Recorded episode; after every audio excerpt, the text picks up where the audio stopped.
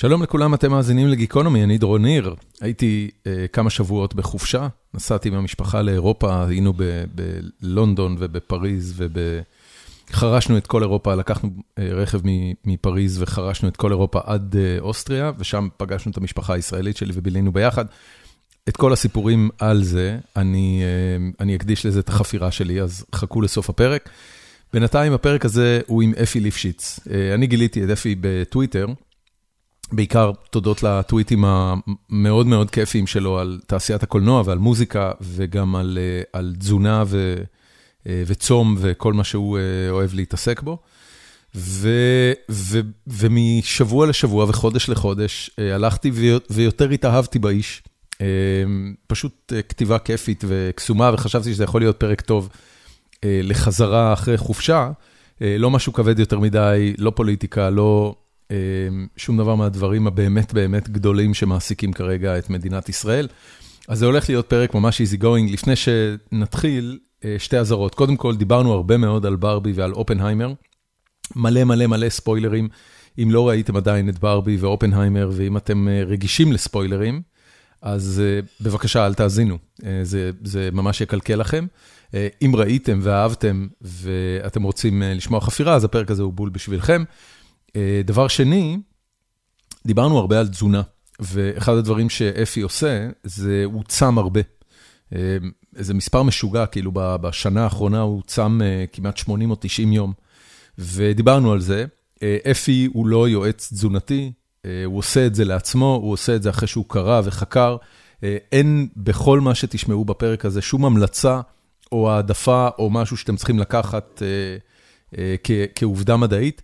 אה, זה בסך הכל שיחה בין אה, שני חברים על משהו שמישהו מהם עושה. זהו, בסוף הפרק חפירה אישית שלי על הטיול באירופה, בינתיים שתהיה לכם האזנה נעימה, פרק 761 עם אפי ליפשיץ.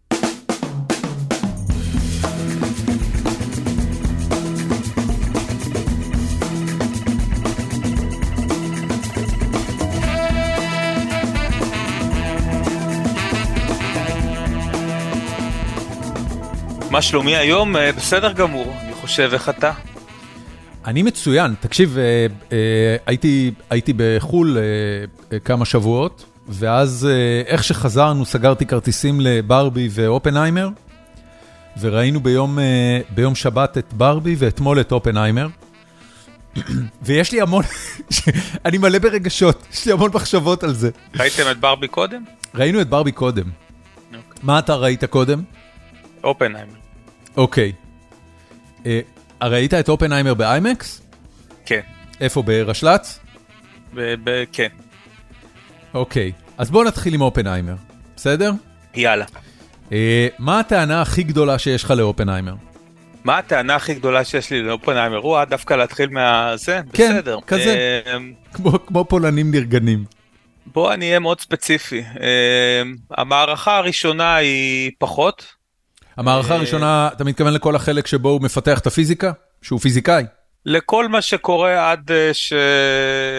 אה, עד שמתחיל הפרויקט בלוס אלמוס, בואו נגדיר את זה ככה. אוקיי. Okay. ואני אומר את זה בהשוואה לספר, יצא לי לקרוא את הספר.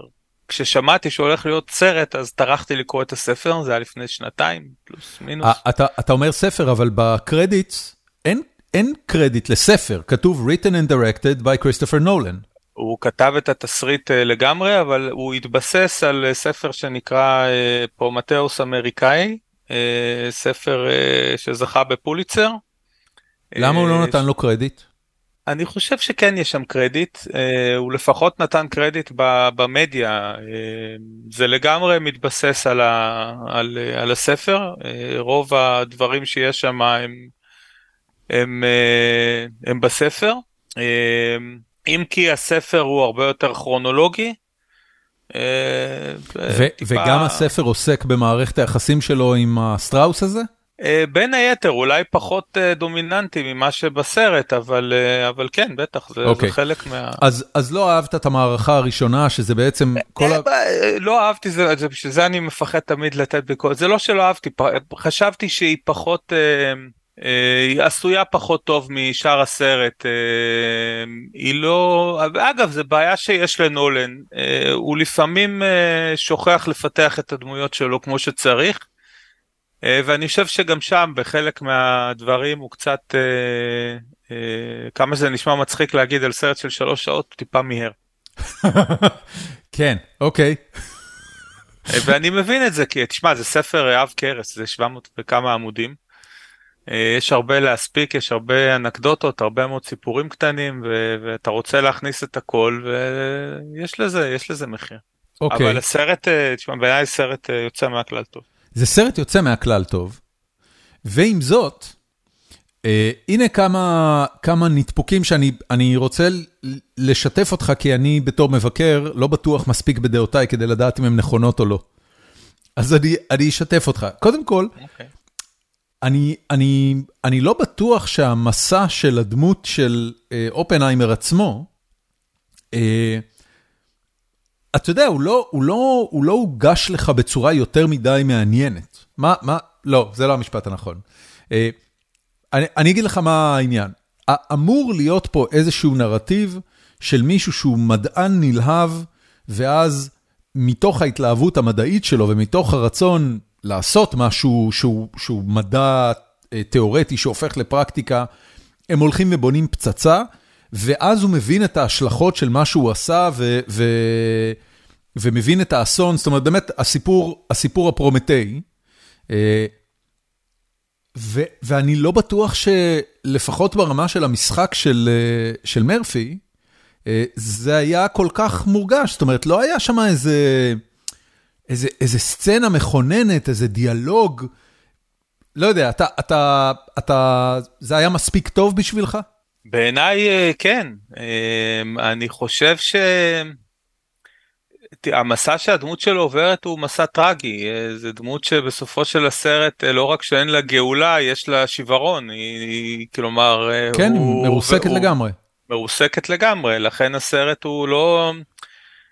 הוא לא מספק בהיבט הזה שהוא לא נותן לך את ה... את ה אה, אחרי שאתה מתחבר לדמות אה, במשך שלוש שעות אתה מסיים את הסרט אנחנו עושים פה ספוילרים כאילו. אנחנו עושים ספוילר אני גם אני אעשה disclaimer בתחילת הפרק של ספוילרים אה, משוגעים אני לא יודע כמה אפשר לעשות ספוילרים לסיפור של אופנהיימר כן? אבל אבל יש פה ספוילר על הסרט. הסרט נגמר בטון מאוד עגום בוא נגיד את זה לא בעדינות ואני חושב שזה חלק מה. אה, שזה חלק ממה שנולן רצה להשיג ואני חושב שהוא השיג את זה באפקטיביות יוצאת מהכלל כלומר אה, בעיניי לפחות אה, גם אני וגם הנערים שראיתי איתם את הסרט הילדים שלי הם יצאו אתה יוצא עם תחושה שעברת חוויה מטלטלת ולא אתה לא יוצא בהיי אתה יוצא בדאון. כן. ואני חושב שזה בדיוק מטרת מה שנקרא כוונת המשורר אמ, אני אגיד איפה, סתם נגיד, גם בהקשר של המסע שלו, ויש אמ, שם פספוס של הדמות שלו, כמו שאמרתי, במערכה הראשונה, אה, גם בגלל שהוא ויתר על אה, דברים שיש בספר, זה כל החלק של הילדות שלו ואיך הוא גדל. שיכול להיות שזה לטובה בהקשר של אה, מה שהוא ניסה להגיד בסרט וגם כמה ארוך אתה יכול לעשות את הסרט הזה. אבל uh, יש שם יש שם איזה חוסר ב, ב, בדמות שלו בהיבט הזה גם בפן הדתי יהודי נקרא לזה הוא גדל חילוני מאוד ואפילו uh, uh, שזה קצת כן עובר בסרט כן, לא הוא, לקח הוא את היהדות שלו למשפחה ברצינות. כן הוא נצר למשפחה מתפקרת שמאמינה כן? בהשכלה הוא סלל להשכלה. אגב, חלק מאוד גדול מהפיזיקאים המדהימים שמוצגים בסרט הזה כמו rockstars, הם יהודים, והם יהודים שבדיוק עברו את המסלול הזה, שכנראה באו ממשפחות אורתודוקסיות, עברו התפקרות, אה, הלכו להשכלה, הלכו לדברים ששיפרו את חייהם, נטשו את הדת לחלוטין. היהדות כן, שלהם היא, היא, היא קבוצת שיוך מאוד מוגבלת בחיים שלהם. נכון, הוא אפילו מתייחס לזה פעמיים שם, בפעם אחת בשיחה עם, אה, עם אה, רבי, ופעם שנייה כשהוא אומר שמה שיפיל את הנאצים זה האנטישמיות שלהם, כי, כי כולם, אה, כל כן. העוסקים במלאכה שם הם יהודים. כי, כי היטלר חושב שפיזיקת קוונטים זה מדע יהודי. כן. זה גדול. כן, אבל זה קצת, פה אני חושב שהיה לו אולי מקום זה, אבל זה, זה כבר באמת, זה, זה, זה להיכנס לקטנות ליצירה נכון, שבעיניי... נכון, נכון, נכון, הסרט הוא נהדר. הסרט הוא באמת נהדר. היא חוויה יוצאת דופן אפילו בקולנוע של ימינו. מה ה biopic הטוב הקודם שאתה זוכר לפני זה?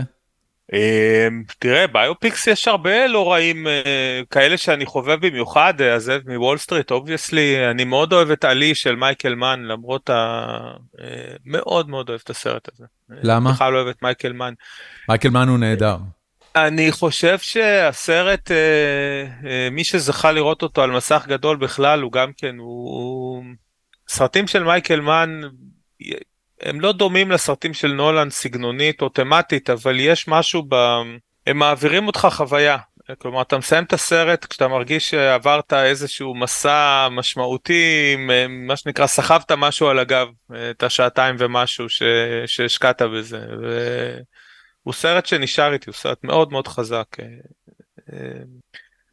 גם דמות קצת אה, טראגית, אה, עלי, אם כבר מדברים.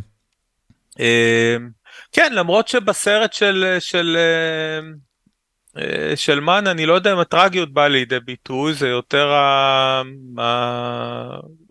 אתה יודע מה, יש אפילו דמיון בהיבט הזה, שני הסרטים מראים אה, כמה הגיבורים שלהם סוחבים על גבם, נקרא לזה מסע שהוא לא בהכרח שלהם. נכון. אה, שהוא קשור בהם, כי הם מרכז העניין, אבל הם סוחבים הרבה מאוד על הגב שקשור בחברה ובתרבות וב... כן. קצת, קצת, אה, קצת גיבור בעל כורחו. אה, כן, יש בזה משהו, כן, נכון. ומה עם ברבי? לא... מה עם ברבי? בוא נעבור אה... לברבי. בוא, תשמע, אה... אני אחלק את התשובה הזאת לשתיים. ברבי ברמה הקולנועית הוא סרט מוצלח. אה, הוא גם יפה ויזואלית. Uh, הוא גם עובד, כלומר הבדיחות שלו לרוב מצחיקות או לפחות משעשעות, כלומר חייכתי וגיחכתי uh, כמה וכמה פעמים. Uh, גם ראית אותו עם הילדים? לא, האמת שזה דווקא באופן מפתיע לא, אבל בפן הקולנועי הוא בסדר גמור, אפילו מפתיע לטובה.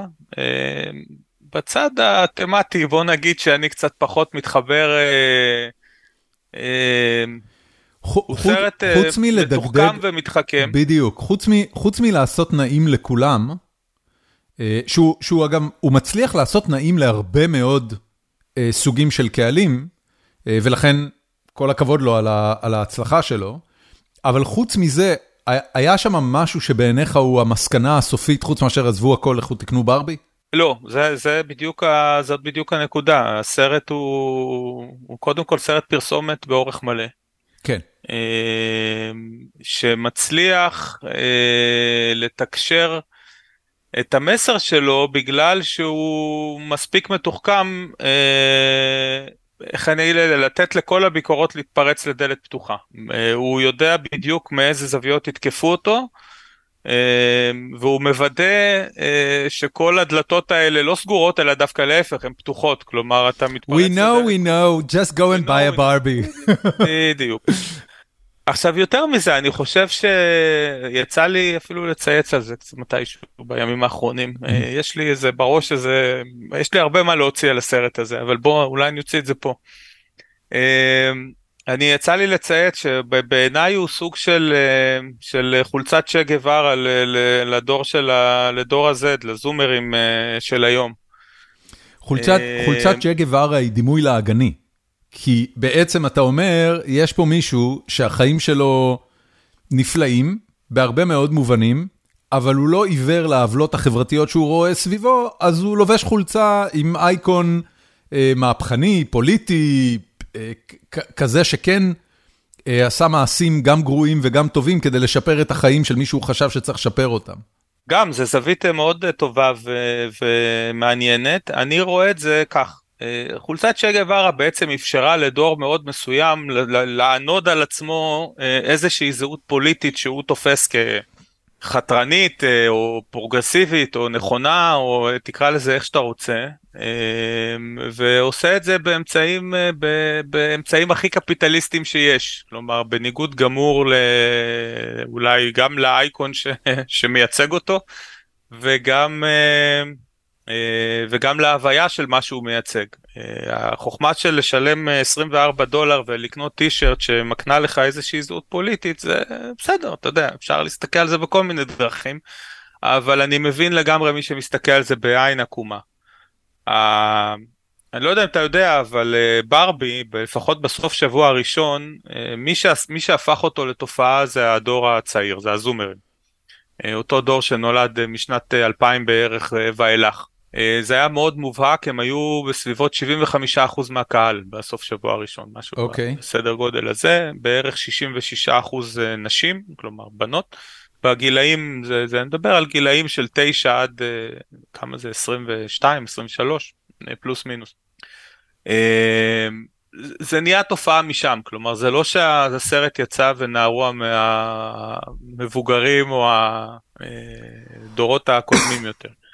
וזה דור שאתה יודע כל מי שמסתכל ועוקב הוא גם אה, הוא גם מאוד אה, אה, בוא נגיד זה לא מפתיע אותי שהקפיטליזם נשים את זה במרכאות פנה דווקא לדור הזה כי הוא מייצג אתגר קודם כל זה דור שגם כן לא קנה ברביות לא גדל על ברביות או לפחות באופן יחסי הרבה פחות מדורות שלפני זה. נכון.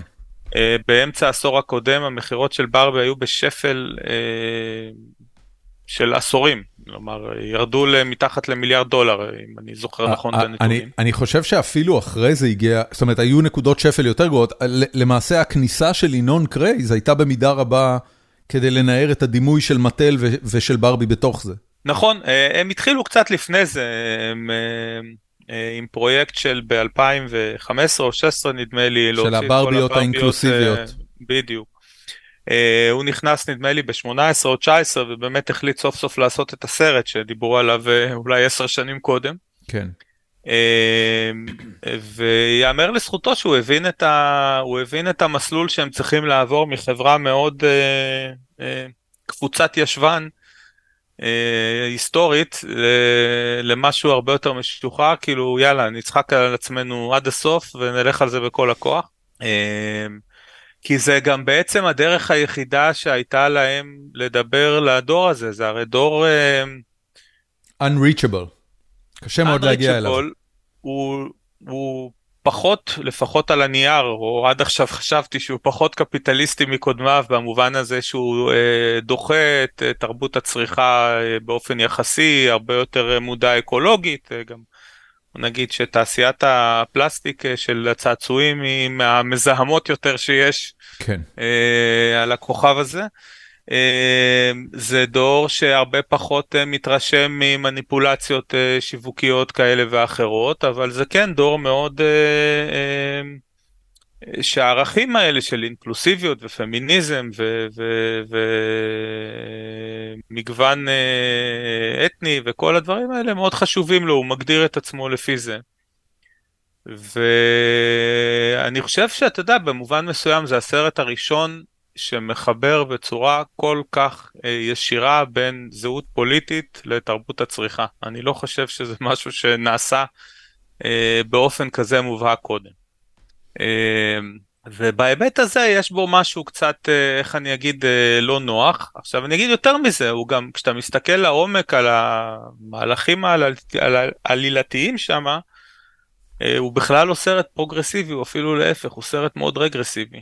אה, ברבי, אפשר לעשות ספוילרים לברבי. תעשה, תעשה חופשי, אני אומר לך, אני שם דיסקליימר על הפרק הזה, מלא ספוילרים, אל תבואו אם אתם רוצים לראות או... כן. היא מסיימת את הסרט כשהיא בעצם דוחה את מעליה את האוטופיה הפמיניסטית נקרא לזה אה, ומעדיפה את ה... להיות ילד אמיתי מה שהם פינוקיו כן, אמיתי כן, כן אבל כן, כן. אבל אה, מקבלת את הפטריארכיה כפי שהיא והולכת להתמודד איתה, אה, לא, אה, לא נעשה שם איזה, יש בזה איזה צעד לאחור אפילו בעיניי. למה, למה זה צעד לאחור? תראה, אני, אני אגב חשבתי שהסוף הוא מדכא, במובן הזה שכל מה שהסרט הזה מקדש, גם בפתרון העלילתי של קן וגם בפתרון העלילתי של ברבי, זה שהאינדיבידואליזם הזה פשוט מוביל אותם להיות אנשים מאוד בודדים, מאוד מודעים לתוגה הקיומית שלהם, ו- ו- וגוזר עליהם חיים מאוד קשים, לא חברתיים, לא מנחמים במיוחד. This is life, it's shit. זהו. בגדול זה, בגדול זה נכון, אתה יודע, אני חושב שהמהלך, ה, נקרא לזה, הסיפור של קן היה טיפה יותר אה, מדויק בהקשר הזה. כלומר, אני לגמרי מבין אותו, או אולי כי אני גבר, אבל יש בו, יש בו היגיון אה, פנימי אה, שכן עובד. בסיפור של ברבי, טיפה פחות. היא בטח לא מנפצת את הפטריארכיה, כלומר, אם כבר, כמו שאמרתי, זה בעיניי קצת ההפך מזה. אתה לא חושב שיש שם איזה נקודה הרי שכן, אה, שכולו שיכור מהגילוי על הפטריארכיה בעולם האמיתי, הולך ועובר דרך כל מיני מקצועות שהוא רוצה לעבוד בהם, ומגלה שיש שם אנשים כבר, ושהן הרבה יותר מוכשרות ממנו. זה כמובן לא נותן לו, זה לא מקלקל לו את תפיסת העולם הפטריארכית, אבל... אבל אתה, אתה לא חושב שמבחינה הזאת הסרט אומר, חבר'ה, המהפכה הפמיניסטית כבר נגמרה, כאילו רק תדאגו להיות מאושרים. תראה, אני לא בטוח, כי עוד פעם, העובדה היא שהסרט כן עושה הפרדה בין העולם האמיתי לעולם הפנטזיה. עכשיו, העולם האמיתי, אה, עם כל ההתקדמות שנעשתה בו, הוא עדיין עולם פטריארכלי, אה, והרי משם הוא מביא את כל מה שהוא מביא. כן. אז יכול להיות שיש התקדמויות בנושאים מסוימים, אבל המהות בסופו של דבר לא ממש השתנתה. אה, שאני חושב שזה גם כן, אתה יודע, באיזשהו ראיון ראיתי ששאלו את, אה, גם את גרוויג וגם עוד איזה מפיקה שם אם זה סרט פמיניסטי והם אמרו לא זה לא סרט פמיניסטי ואני חושב שהם אמרו את האמת. כן. אה, אני לא יודע למה הבחירה הזאת מה שמוזר בזה זה איך הקהל מקבל את זה כ, כאיזה יצירה פמיניסטית אה, שוברת מוסכמות מה שהיא בעיניי ממש ממש ממש לא ממש לא. לא לא לא כן. זה, זה יצירה סופר שמרנית שעושה סיבוב מאוד גדול כדי בסוף להגיד חבר'ה הכל בסדר. תמשיכו לקנות ברביות, we're doing just fine as a society. העיקר שתמשיכו לצרוך, אנחנו כן. ניתן לכם את מה שאנחנו רוצים, תרגישו טוב עם הזהות, האינקלוסיביות, את הנאומים הנכונים. אה, וזה עוד יהיה, אגב, הפמיניזם של גרוויג בכל הסרטים שלה, גם בליידי ברד, גם בנשים קטנות, גם בסרטים אחרים, גם של בעלה, אגב, של... נועה באומבך. באומבך. הליברליזם שלהם הוא מאוד לבן. הוא לבן להחריד עכשיו זה בסדר גמור ששני אנשים לבנים עושים סרטים מנקודת מבט של לבנים אתה יודע גם רודי אלן עשה סרטים כאלה נכון נכון אבל יש משהו uh, שמפריע אתה, אתה לא באמת הבאת את וודי אלן כדוגמה למשהו חיובי פה. אתה יודע וודי אלן הוא כן אני, אני, הוא, אני מוצא הרבה as cancelled as you can get. בוא לא בוא אתה יודע זה נושא בפני עצמו אני לא רוצה להיכנס לשם. למה? אה, כי זה מעצבן אותך שהוא בוטל? ספציפית במקרה שלו קצת כן. אני חושב שיש שם, שנעשה שם קצת עוול. זה לא אה, קצת, ואני... אה, זה לא קצת אה, האמירה, אני חושב של שאפל או של קריס רוק, ש... שההבדל היחיד בין הביטול של מייקל ג'קסון לביטול של, לא יודע, מ-50 סנט או מי שזה לא יהיה, זה פשוט שלמייקל ג'קסון יש שירים הרבה יותר טובים. מייקל ג'קסון אני פחות מכיר את, ה, את הפרטים ולדעתי ממה שאני יודע יש דברים בגו כלומר אה, יש סיבה להרגיש 아, לא נוח. במקרה, עם, במקרה של וודי אלן אתה חושב שהוא, שהוא לא אשם? אני חושב שכל המעורבים שם הם לא 100 בוא נגיד את זה ככה. הבנתי. מכל הכיוונים. אבל אני חושב שמערכת היחסים המדוברת אה, ביסודה עם מה שאנשים אוהבים לקרוא לזה הבת החורגת שלו, מה שזה לא בדיוק מדויק. אה, אה, לא, אני, אני חושב שזה לא על זה, אני חושב שזה כבר על דברים אה, יותר רחבים. על, על, על הסיפור עם הבת שם. על רונן פרו ועל, על, אה, זה ה... לא משנה, עזוב את וודי אלן. בוא נחזור, כן, בוא נחזור לא לגרטה גרוויג. אז גרטה גרוויג ונואה באומבך עושים סרטים לבנים שלא באמת מערערים על הסדר וטוחנים מלא כסף. סרטי ליברליזם לבן. עכשיו, זה בסדר אם אתה לא מנסה להתכסות באיזה כסות של... של של diversity ו inclusion וכל מיני דברים כאלה אבל ברגע שאתה עושה את זה זה יוצר איזושהי בעיה כי ובברבי זה אפילו בולט במיוחד בגלל שיש שם לפחות על ה... כלפי חוץ אה, הרבה מאוד גיוון אה, אתני. אבל הוא נועד לשרת את הנרטיב של הפמיניזם הלבן, הוא לא עומד שם בזכות עצמו. כשעומדת שם האימא ונותנת נאום חוצב להבות, היא לא מזכירה שום דבר על צבע או על... אה, קשיים של, אה, של אישה שהיא מהגרת או לא, אה, או לא לבנה, היא מדברת על כמה קשה להיות אישה באופן כללי כדי לחזק את הנרטיב של ברבי, שמה לעשות, היא עדיין אישה לבנה. כן. יש בזה משהו טיפה, טיפה צורם, היא, היא עשתה את זה גם בנשים קטנות בצורה דומה. ואני לא חושב שזה, אתה יודע, אני לא פוסל את זה, אבל זה, יש בזה יש בזה משהו שמשאיר אותך בסוף עם איזו תחושת אי נוחות קלה. תגיד, איך, איך אתה אה, גדלת ל, לתרבות קולנועית ב, בישראל, שהיא כנראה אחד המקומות היותר רחוקים מתרבות קולנועית שאפשר אה, לגדול בו? אה, איך אני גדלתי? נורא פשוט, אבא שלי מאוד אהב סרטים. איפה גדלת? אה, גדלתי רוב חיי ברעננה, אבל את הסרטים הרי בגיל ארבע וחצי אני חושב הגעתי לרעננה, אבל גם לפני זה ראיתי סרטים בקולנוע, גרנו ברמת גן, ממש ליד קולנוע אוייזיס, אה, זכרו לברכה. ושם ראיתי את הסרטים הראשונים שלי כילד מאוד מאוד מאוד מאוד צעיר. אה, מה, אתה, מה החוויה הראשונה שאתה זוכר מהקולנוע? The Shaggy Dog, ראיתי את זה שמה. The Shaggy Dog, של דיסני. סרט של דיסני. כן, live action. משהו, כן. זה הסרט הראשון שאני זוכר שראיתי שם, אין לי מושג אם הוא היה הראשון או אם אני זוכר טוב, אבל זו, זו, זו, זו החוויה הקולנועית הראשונה שיש לי. מעולה.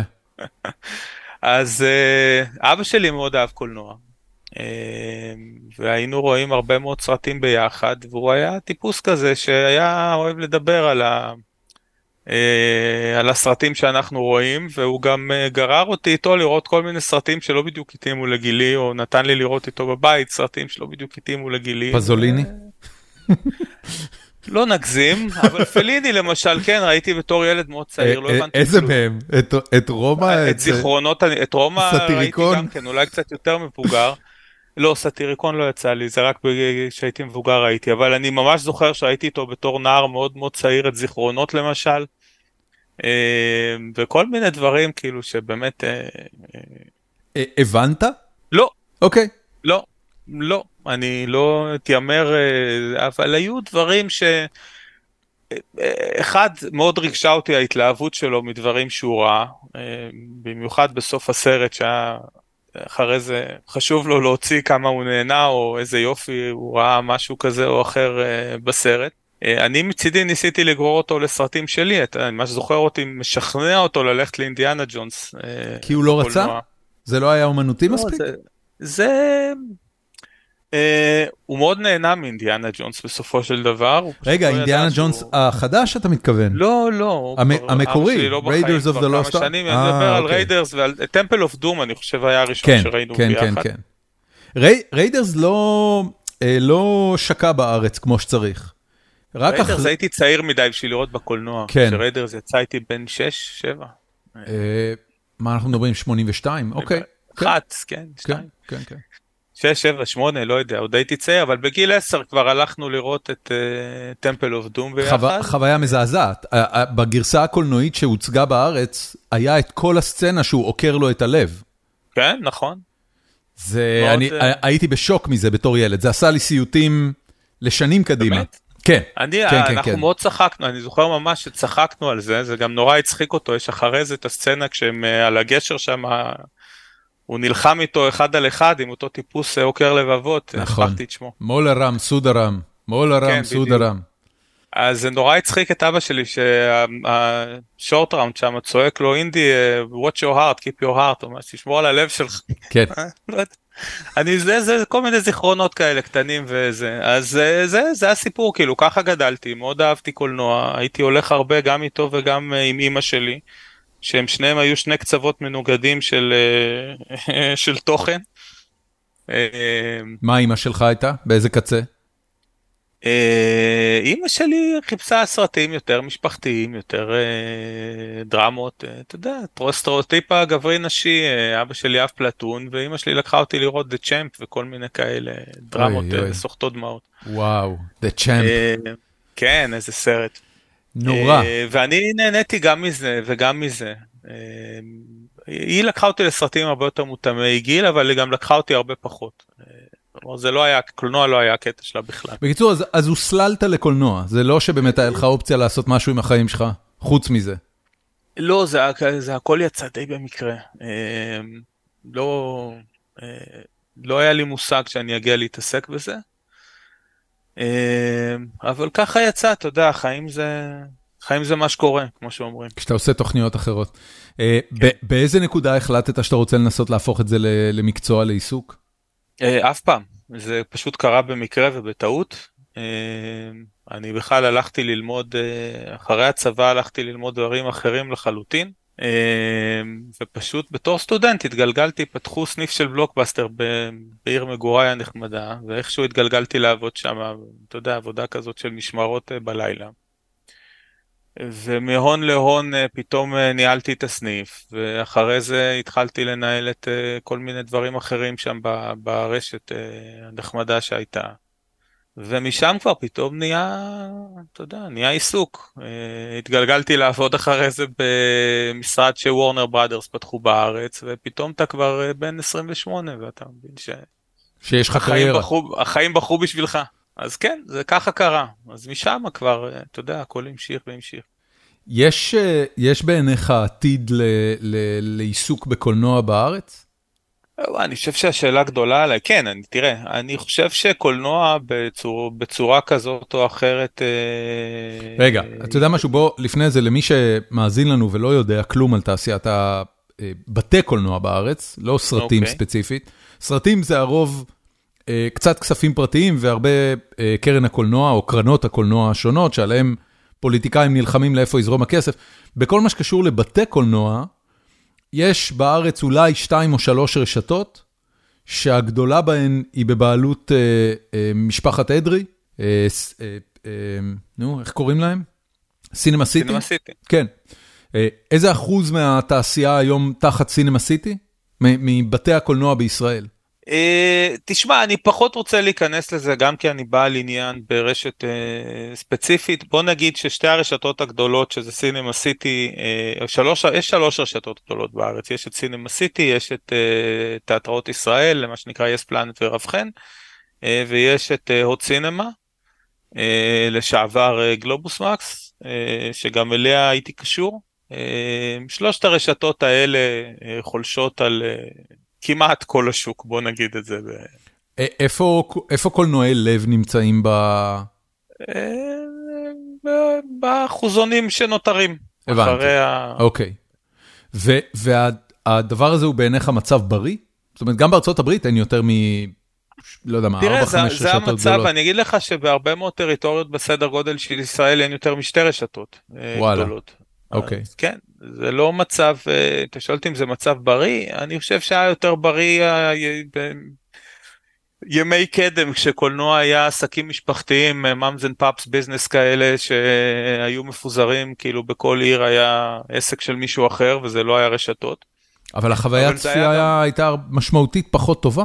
לא? תלוי מתי, אה, לא, לא בהכרח, אתה יודע, זה הכל תלוי תקופה, נכון שהיו תקופות שבתי הקולנוע היו פחות אה, מוצלחים. אה, תראה, בתי קולנוע זה עסק מאוד, אה, אה, מאוד כבד, זה כמו לסובב אה, אה, נושאת מטוסים, זה, זה לוקח הרבה זמן, לוקח הרבה כסף, אתה לא יכול לעשות שם תנועות זריזות, הוא תמיד מגיב באיחור אה, אה, לשוק.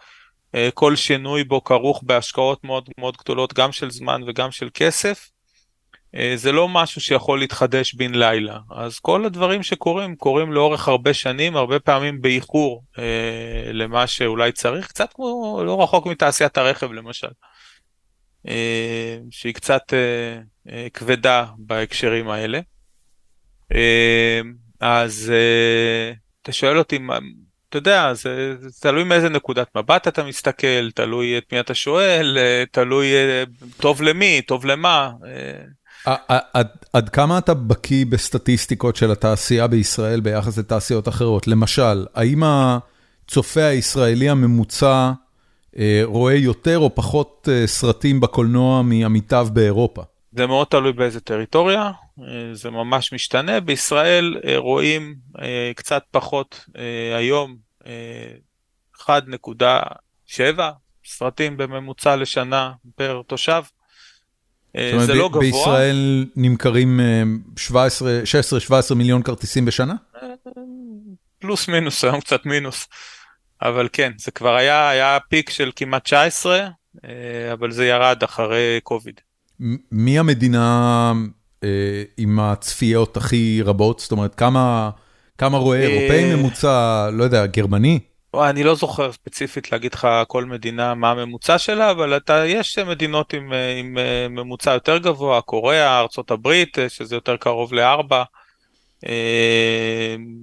מדינות כמו מקסיקו, ברזיל, יש, יש טריטוריות חזקות יותר.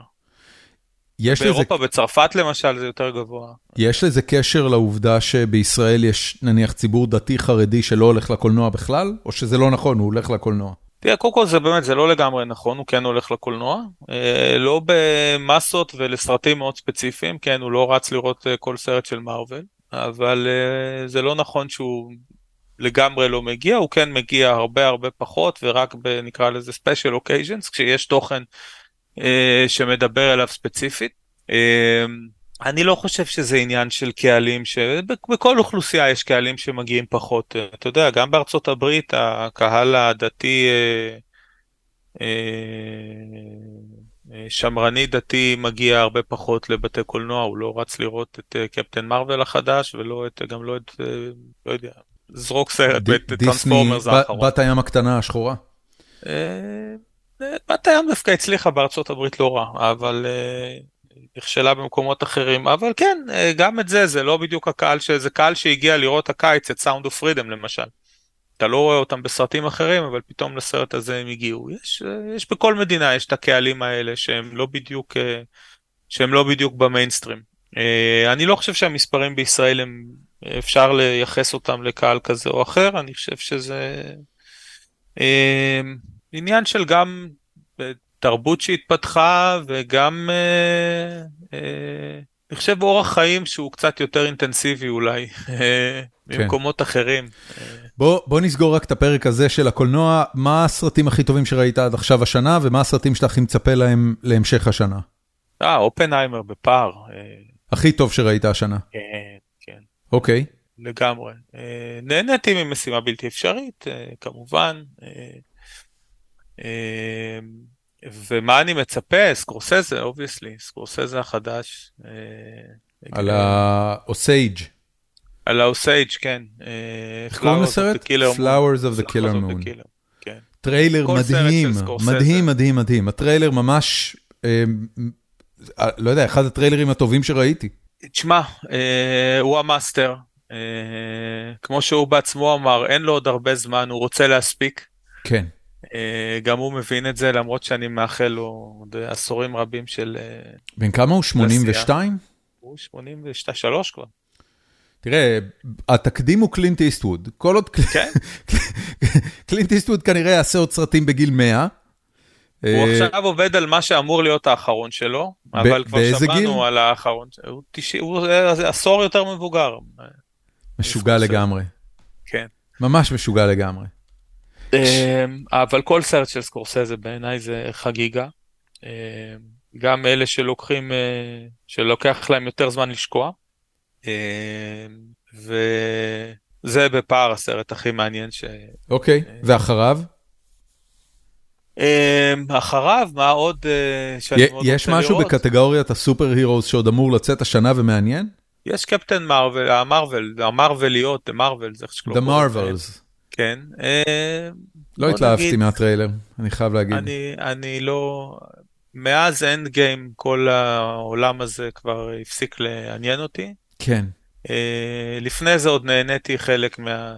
הייתי אה, ביחד עם הילדים שגם היו בגילאים יותר מתאימים, צרכנו את זה ביחד בהנאה מרובה, אבל באיזשהו שלב אותי זה איבד, לא, לא יודע אם זה אומר משהו על הסרטים, אולי זה אומר משהו עליי. כן. טוב, אה, בוא נדבר קצת על תזונה. אה, אוקיי. אני, התחלתי לעקוב אחריך בגלל קולנוע, אה, ובאיזושהי נקודה רשמת פוסט על הצומות שלך. כן. והוא הדהים אותי לגמרי. אם, אם אני זוכר נכון את הסטטיסטיקה, בשנה החולפת צמת באזור המאה ימים מתוך ה-365, אני, אני מדייק בזה? אתה מדייק, כן, זה היה קצת טיפה פחות, 90 וכמה, כן. אז, אז קודם כל אני אתחיל מזה, אתה יודע, ל, ל, לקראת, ה, לקראת כל זה פרק. זה התוכנית, ל... תראה, זה, תתפוס שנה קלנדרית, השנה נקרא לה, אה, לא קלנדרית, נגיד ממאי כשהתחלתי עד מאי, לא, זה היה פחות, זה היה סדר גודל, אזור ה... בין 80 ל-90 ימים, משהו כזה, אני היום כבר בקצב של... equally insane. של, של 100. אני, אני, בכל התמונות, כשחיפשתי uh, uh, תמונה uh, לספר למאזיננו שאתה הולך להתארח, אז כל התמונות שלך... חשבת שתראה איזה צפלון עם... לא, כל, כל התמונות שלך שהן כאילו תמונות עיתונות, זה מה, מהתקופה שניהלת את מובילנד, הן כולן תמונות שאתה גדול ממדים. לא יודע כן. כמה היית ב, ב, במשקל שלך בנקודות האלה. אני תכף אגיד לך. אז תגיד לי. ואני חייב להבין את העניין הזה של הצומות ואיך איך, איך הגעת למצב שאתה צם שליש מהשנה. אני מקווה לצום שליש מהשנה, בוא נדייק, אבל כן, אני צם הרבה, אני תכף אגיד לך בדיוק מה אני אוכל וכמה. איך הגעתי למצב הזה? הגעתי למצב הזה בגלל שני דברים. אחד, הרגשתי צורך מאוד מאוד גדול לעשות שינוי. בעקבות משהו פשוט... או, או סתם נמאס לך כן. מ... לא, לא, בעקבות uh, הרבה דברים שקרו, אני לא בטוח שאני רוצה להיכנס להכל, אבל בוא נגיד שהיו לי תקופות, uh, uh, uh, תקופת קוביד לא עשתה לי טוב uh, בהרבה מאוד מובנים, uh, ודווקא לא הייתי חולה אף פעם. לא, לא היית חולה בקורונה? לא. לקחת חיסונים? אני, תשאיר את זה פרטי, אבל בוא נגיד שכן, אבל אני לא רוצה להיכנס לנושא הזה. אוקיי. אני לא עושה פוליטיקה, וזה נושא פוליטי נפיץ מאוד, ואני לא רוצה להיכנס אליו, ברשותך. אוקיי, בטח.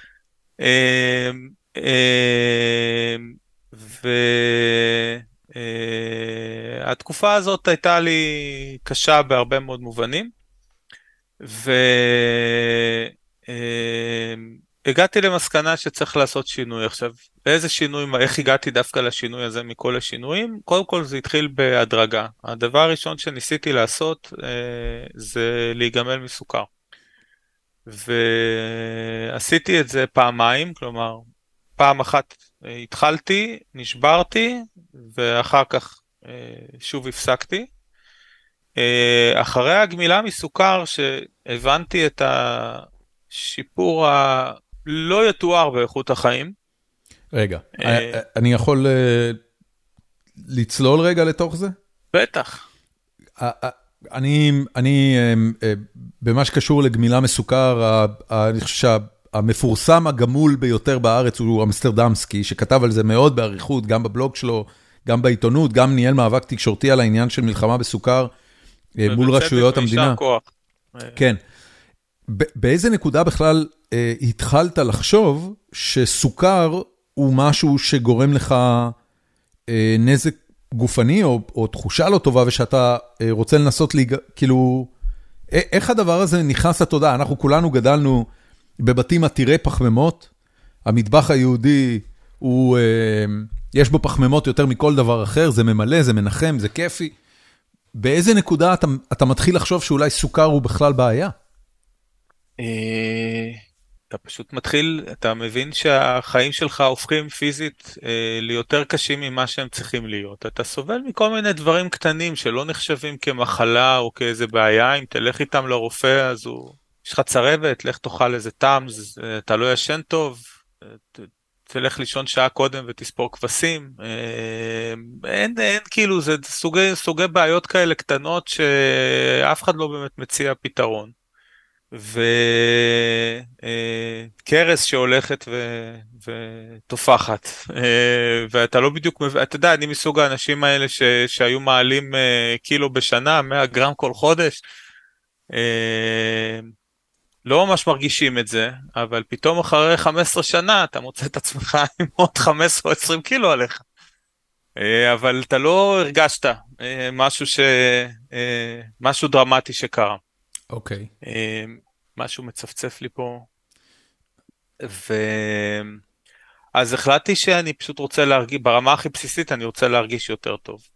אה, ומכל מה שראיתי ושמעתי וקראתי אז זה אה, היה מקום טוב להתחיל איתו.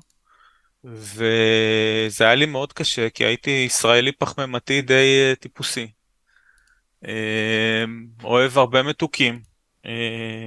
הייתי נשוי לתקופה לקונדיטורית די מוכשרת אה, שידע להכין אה, מיני מתיקה שקישטו את המקרר בבית אה, והיה קשה מאוד לעמוד בפניהם. ו...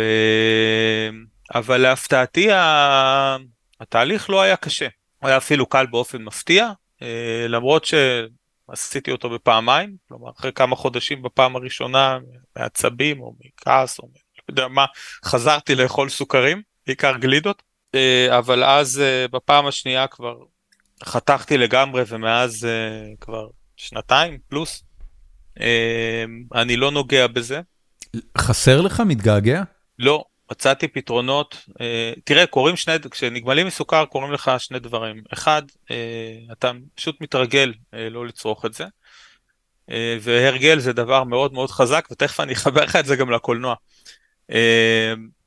Uh, הדבר השני שקורה לך זה שחוש הטעם שלך משתנה.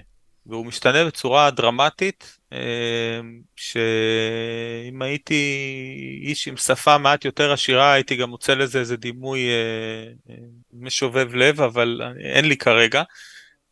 חוש הטעם משתנה בצורה כזאת שמה שהיה בעיניך מתוק טעים בעבר הוא מתוק עד כדי בחילה היום. אוקיי. Okay. וזה פשוט עוצר אותך כי אתה לא, אתה לא מסוגל להיות, אני באמת פיזית היום לא מסוגל לאכול דברים שאכלתי פעם, לא בגלל שהם טובים או פשוט מתוק מדי. אה, כמה, אני... כמה זמן זה קורה אחרי הגמילה? לא הרבה, אני חושב שזה קרה לי ברמת השבועות, אולי חודשיים, שלושה, לא יודע, אני לא, אתה יודע, לא ניהלתי רישום של בדיוק אה, מתי שמתי לב לזה, אבל זה לא, זה לא אחרי הרבה זמן. כאילו, תראה, אני מאלה שאחרי כל ארוחה הייתי נוהג לקנח במשהו מתוק, לא משנה מה, אפילו אם זה חטיף או פרי או שד יודע מה. אה, או סתם אני אתן לך דוגמה, אתה ודאי מכיר, אה, לשבת בקיץ ולהוריד אשכול ענבים באיזה ערב, זה לא נראה לי מופרך פעם. אה, נכון. זה מתוק מדי מנת אבטיח, אתה לא יכול לאכול ענבים? לא. אני יכול לאכול שלושה ענבים ואני כבר לא יכול כבר עם המתיקות הזאת. זה מתוק לי, זה כבר מאוד. מתוק שאני לא מסוגל יותר. זה לא שאני לא, אני אוכל, אני שם שלושה ארבעה ענבים ביחד עם כמה אגוזים ונהנה מהם מאוד, אבל אני פשוט לא מסוגל יותר. אמ, זה לא, ולכן גם אין לי חסך, אתה יודע, כשאתה לא רוצה משהו, אתה לא רוצה משהו. כאילו, אה, עכשיו אני כן נוגע במתוק, אני משתדל למצוא תחליפים שהם או, אם אני אוכל פרי אז אני גם אין דבר כזה לרדת על חצי אבטיח או על אשכול ענבים. לקחת חתיכה קטנה בתור אה, איזה treat כזה. וזה תמיד אה, לא ביחד, כלומר אם אני אוכל אה, מנה של פרי אז אני לא אוכל בארוחה פחמימה, אני לא אוכל לחם או משהו אחר. אם אני כן אוכל לחם אז אני לא אוכל את הפרי בסוף, יש trade off, אני לא, אני משתדל שלא... כש, כשאתה אומר גמילה מסוכר אבל עדיין אוכל לחם, אתה בעצם עושה את ההפרדה בין כל המוצרים שכוללים סוכר לבן מזוקק, לבין פחמימות מורכבות, תפוחי אדמה, בטטות, כאלה. כן, עם כוכבית. אה, אני א' עושה את ההפרדה הזאת, כן. אה, סוכר לבן אה, מזוקק לא נוגע, בשום צורה, בשום דרך, לא מעניין אותי, כאילו... אני כן אגע בסוכר פרי, למרות שלכאורה אין הבדל, או פחמימה, אבל זה גם כן אה, דברים, נקרא לזה צורתם, אני לא אוכל פחמימות ריקות, ואולי אה, גם תכף נדבר על למה. אה, ואני גם אוכל מעט מאוד, כלומר אני מקפיד שזה לא יהיה יותר מ... ביום טוב זה לא יותר מ-20% מה... מהמנה, כלומר זה פרוסת לחם, זהו, ואז okay. אוקיי. אין אף פחמימה אחרת בארוחה. למה? כי אני אוהב לחם, זה נחמד לי, אני לא חושב שלחם זה דבר רע, אני פשוט חושב ש... זה לא יכול להיות שהתזונה תהיה מבוססת על לחם. כלומר, אתה לא יכול אה, לאכול כמו בן אדם כש-60 או 70 אחוז מהמנה שלך זה פחמימה. זה, זה לא תקין בעיניי היום. אוקיי. Okay. אה, ואני גם לא מאמין ב... אני לא מאמין ב restrictions של, של להוריד דברים אה, לגמרי. כאילו, להגיד, אל תאכל מתוק בכלל, או אל תאכל לחם בכלל, או אל תאכל פחמימות בכלל. אלה דברים שאני חושש, לפחות בהקשר שלי, שלאורך זמן הם לא סוסטיינבל. כלומר, אתה באיזשהו שלב אומר, די, למה, כאילו, מה זה? אז, אז גמילה מסוכר זה היה הצעד הראשון, מתי אתה מתחיל להכניס לזה גם ימי צום? אז אני לא מתחיל להכניס לזה ימי צום, אני עושה מה שרבים uh, עשו ועושים, וזה מתחיל עם uh, צום uh, לסירוגין, מה שנקרא צום של שעות, uh, או כמו שהיום uh, קוראים לזה time restricted eating, מצמצם שעות האכלה. למה התחלתי מזה? קרובי משפחה שהתחילו מזה לפני שנים די רבות, uh, וגם הם לאט לאט הרחיבו והם הרבה יותר מתקדמים ממני היום, והייתה לי, לי הזכות לצפות בהם מהצד, אה, ולראות איך החיים שלהם משתפרים מחודש לחודש, משנה לשנה. אתה רואה אנשים שבכל רמה אפשרית משגשגים, ואתה מבין שכנראה יש לזה קשר. אה, זה לא יכול להיות מקרה. כלומר, זה לא... אה, אני יכול לשאול מה, זה אומר משגשגים? זאת אומרת, בריאות טובה אני מבין, אבל, מה, הם... זה לא רק, זה יותר מבריאות טובה, זה, זה, זה מחלות, גם מחלות כרוניות שפשוט נעלמות. אוקיי. כי לא היו. מחלות שאנשים סבלו מהם חיים שלמים, אה, מצב רוח, חיוניות, אנרגיה, אה, שמחת חיים, אה, כמעט בכל פרמטר שאתה יכול לחשוב עליו, שאתה יכול למדוד את עד כמה החיים שלך ביום יום נעימים לך, אתה רואה מגמת שיפור. אוקיי. Okay. וכשאתה מסתכל על דבר כזה, אז אתה יודע, אני, מי שאני, אני, בוא'נה, אני רוצה גם. החיים שלי לא מספיק טובים. אה, אני רוצה לשפר אותם, ובואו נבין מה הם עושים פה ואיך הם עושים את השיגעון הזה, שזה בזמנו אני הייתי מגיב כמו ש... הגבתי גם כמו שכל אחד, כאילו, מה המשוגעים האלה עושים? מה זה השטויות האלה?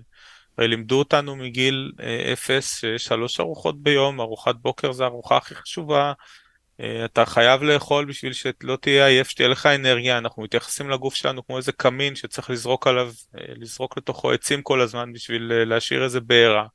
וגם קיבלתי מהם המון המון אה, ידע, וגם התחלתי לחפור בעצמי, ופשוט לקרוא ולשמוע כל מה שיכולתי, ואתה לאט לאט מבין שלא כצעקתה ולא, אה, אין, אין, כאילו, אין קשר בין מה שידעתי על, על, על אוכל או בכלל על איך הגוף שלנו אה, עובד, למה שאני יודע היום, ואני לומד כל יום דברים חדשים. וזה פשוט, אז אתה מתחיל לעשות 8-16 כמו רבים, ואתה, בוא'נה, אתה רואה שהחיים שלך משתפרים טיפה. עכשיו, ה-8-16 הזה בקלות הופך ל-6-18, ופתאום זה נהיה 4-20, ואתה פתאום מבין שאתה לא צריך הרבה יותר מארוחה אחת, כי אתה פשוט לא צריך, אתה לא מרגיש צורך לאכול יותר מזה. עכשיו, זה לא בא מעצמו, זה, זה... קודם כל זה תהליך שלוקח זמן. כמה זמן? צריך לא... זה היה הדרגתי להגיד לך, אתה יודע, אני חושב ש-8-16 שהלך והתחלתי עם צומות ממש, כאילו עם מה שנקרא אומד, one meal a day בסביבות אה, מאי 21. אוקיי. Okay. כן? משהו בסגנון. זה, זה ממש, לא אה, זה, מה זה, חודשיים לתוך הסגרים של קורונה? לא, סליחה, זה אחרי קורונה, מה אני מדבר? זה לקראת כבר סוף הקורונה. כן, כן, כן. כן. כן. אה, אולי טיפה אחר כך היה לי שם עוד כל מיני עליות, מורדות, אה, עניינים כאלה ואחרים, אה, אולי זה היה טיפה אחר כך בעצם, זה כבר היה אחרי הקורונה אפילו. אוקיי. משהו, משהו בסוף 21.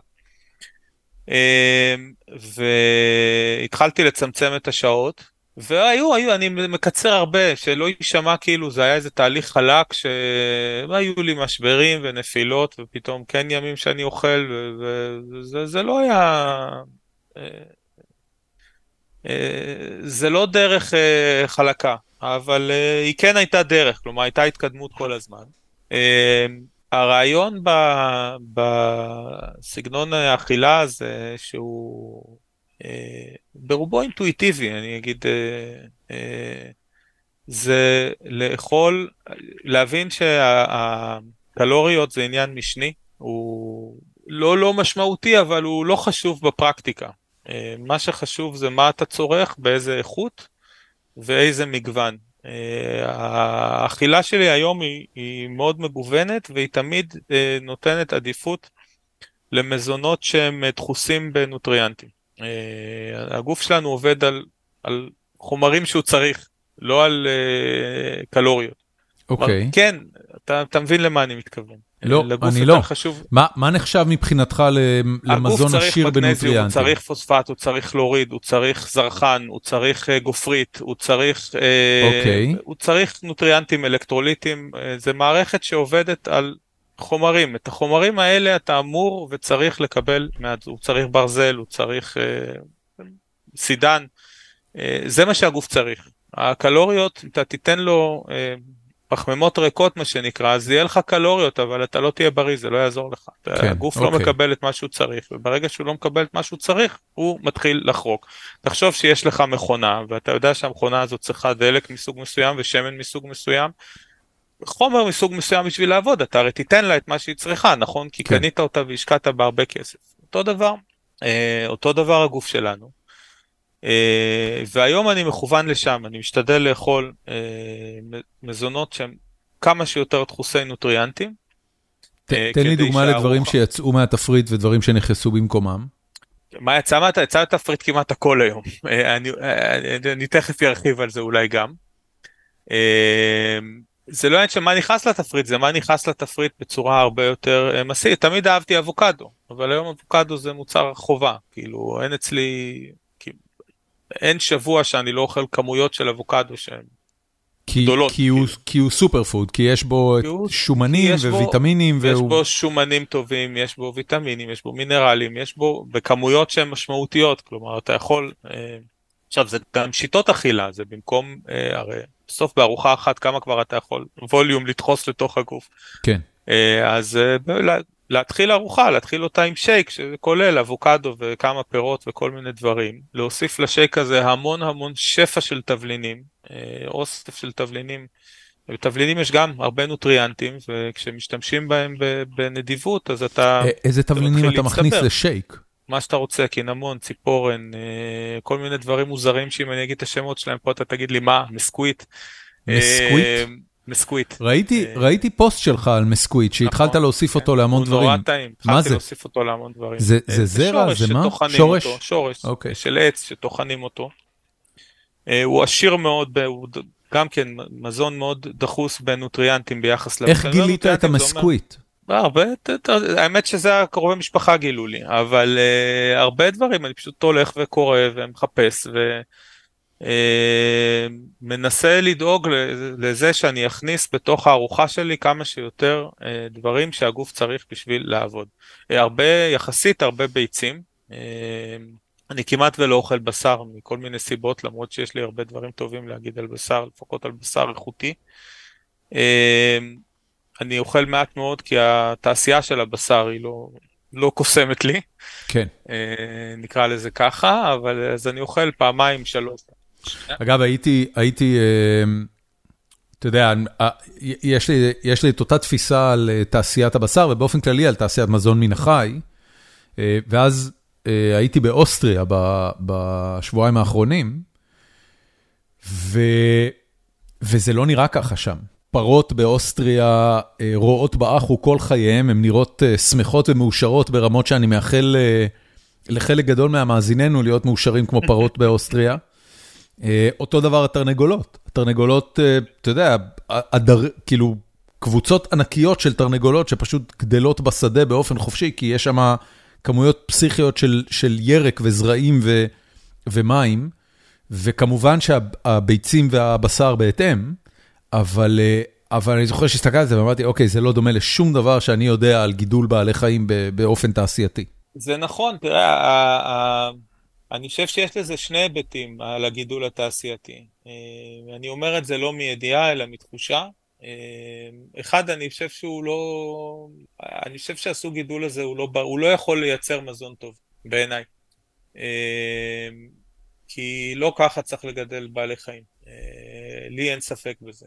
ולכן גם כשאתה אוכל אותם, אני לא בטוח שאתה מקבל את היתרונות שאתה אמור לקבל מלאכול מזון מן החי. ושתיים, וזה כבר חיבור אולי יותר אה, אה, רוחני, או אני לא יודע איך לקרוא לזה, אבל בן אדם צריך ללמוד לקחת את מה שהוא צריך. ואם תיקח את מה שאתה באמת צריך, כלומר, תיקח חיה אה, ותאכל אותה כי אתה מרגיש שאתה צריך את זה, הגוף צריך את אה, מה שיש שם, אז בסדר, אבל בין מה שאנשים אוכלים היום לבין צריך אין דבר וחצי דבר. אתה יודע, כשנמר צריך אה, לאכול, אז הוא אה, הולך והורג משהו ואוכל את זה, אבל הוא לא עושה עכשיו מנגל ומזמין את כל החברים ומטגן נקניקיות, ואז את ההמבורגרים, ואז את השיפודי עוף, ואז את הסטייקים, ולקינוח את הקבב. כן. זה לא עובד ככה, וזה לא צריך לעבוד ככה. אין ל... זה... אני לא חושב ש... אתה יודע, תמיד אומרים, למה אתה לא טבעוני, ואם אתה כל כך אוהב אה, טבע וזה. אה, אתה טבעוני עד שתהיה רעב ואני אסגור אותך בחצר עם תרנגולת. אה, לא יישאר מהתרנגולת הזאת כלום אחרי שתהיה רעב מספיק. הבנתי. לא משנה מי אתה. אוקיי. בן אדם הוא לא, הוא לא יצור טבעוני, מה לעשות. ויש דברים שיש בהם... אגב, אני, אני מכיר אנשים ש, שכמו שאני מכיר אותם וכמו שאני תופס את הגישה שלהם לבעלי חיים, אה, הם, הם מרצונם ייתנו לתרנגולת לאכול אותם לפני שהם יאכלו את התרנגולת. אני, אתה יודע, אני לא הייתי, לא הייתי רוצה שיעמדו במבחן. fair enough, גם אני לא.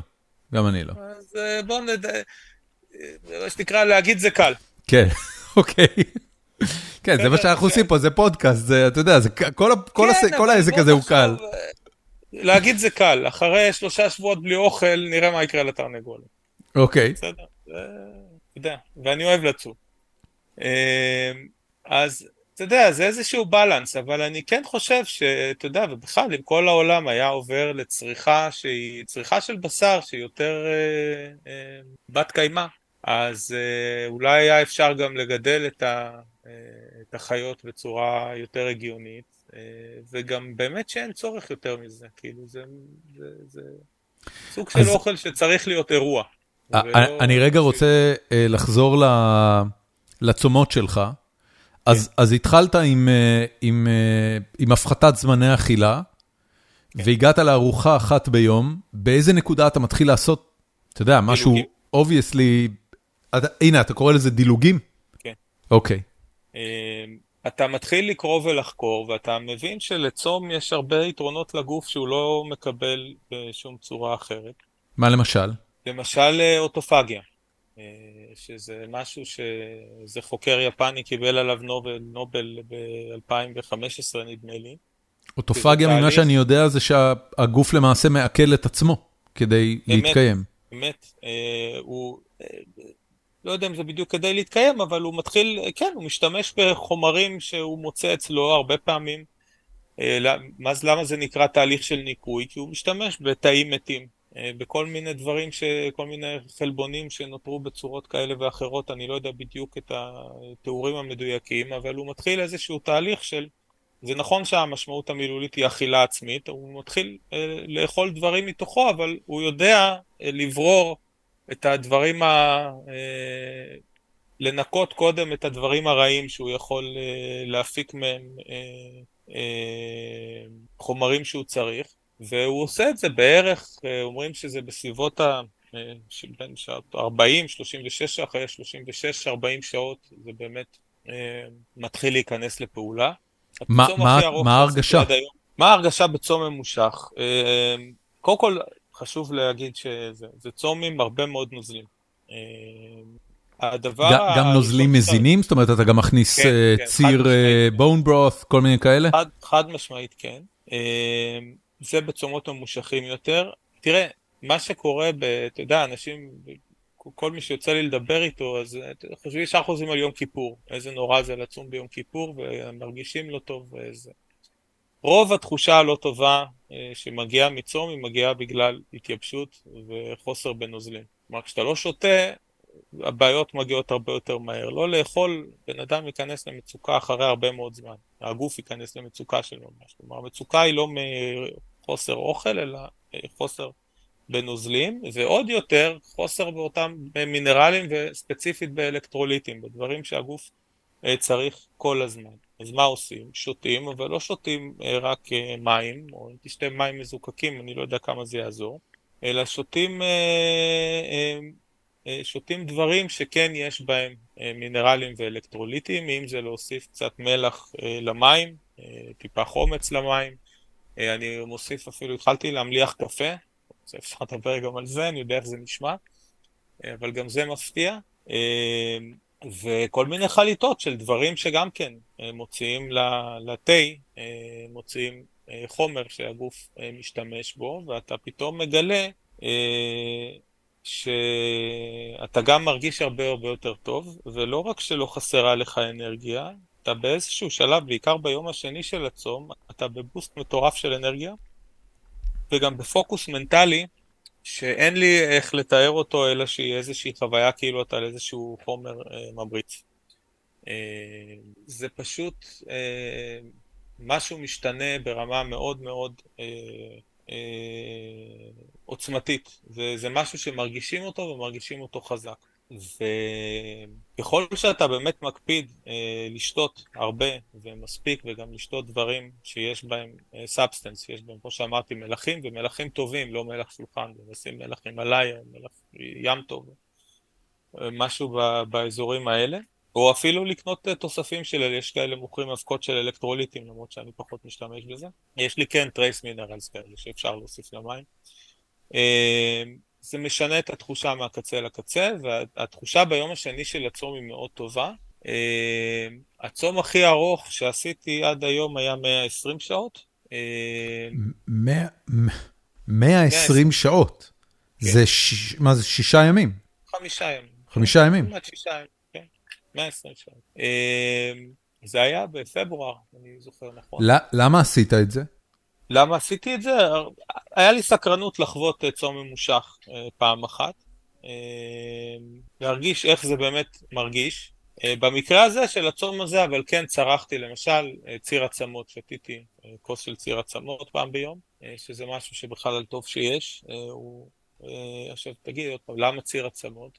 דחיסות נוטריאנטים. כן, לא, לא, זה, זה אני יודע. הייתה לי פאזה קטוגנית בחיים. אוקיי, אז... ובפאזות הקטוגניות bone broth אה, הופך להיות אה, מרכיב משמעותי בחיים שלך. כן, כי זה ב volume מאוד מאוד נמוך, אתה נותן לגוף הרבה מאוד substance, אה, הרבה מאוד חומר לעבוד איתו. והאמת שזה היה מאוד נעים, אני בוודאות אעשה את זה שוב. זה לא משהו, אתה יודע, אני לא חושב שככה צריך לחיות, או שזה משהו שצריך לעשות כל שבוע.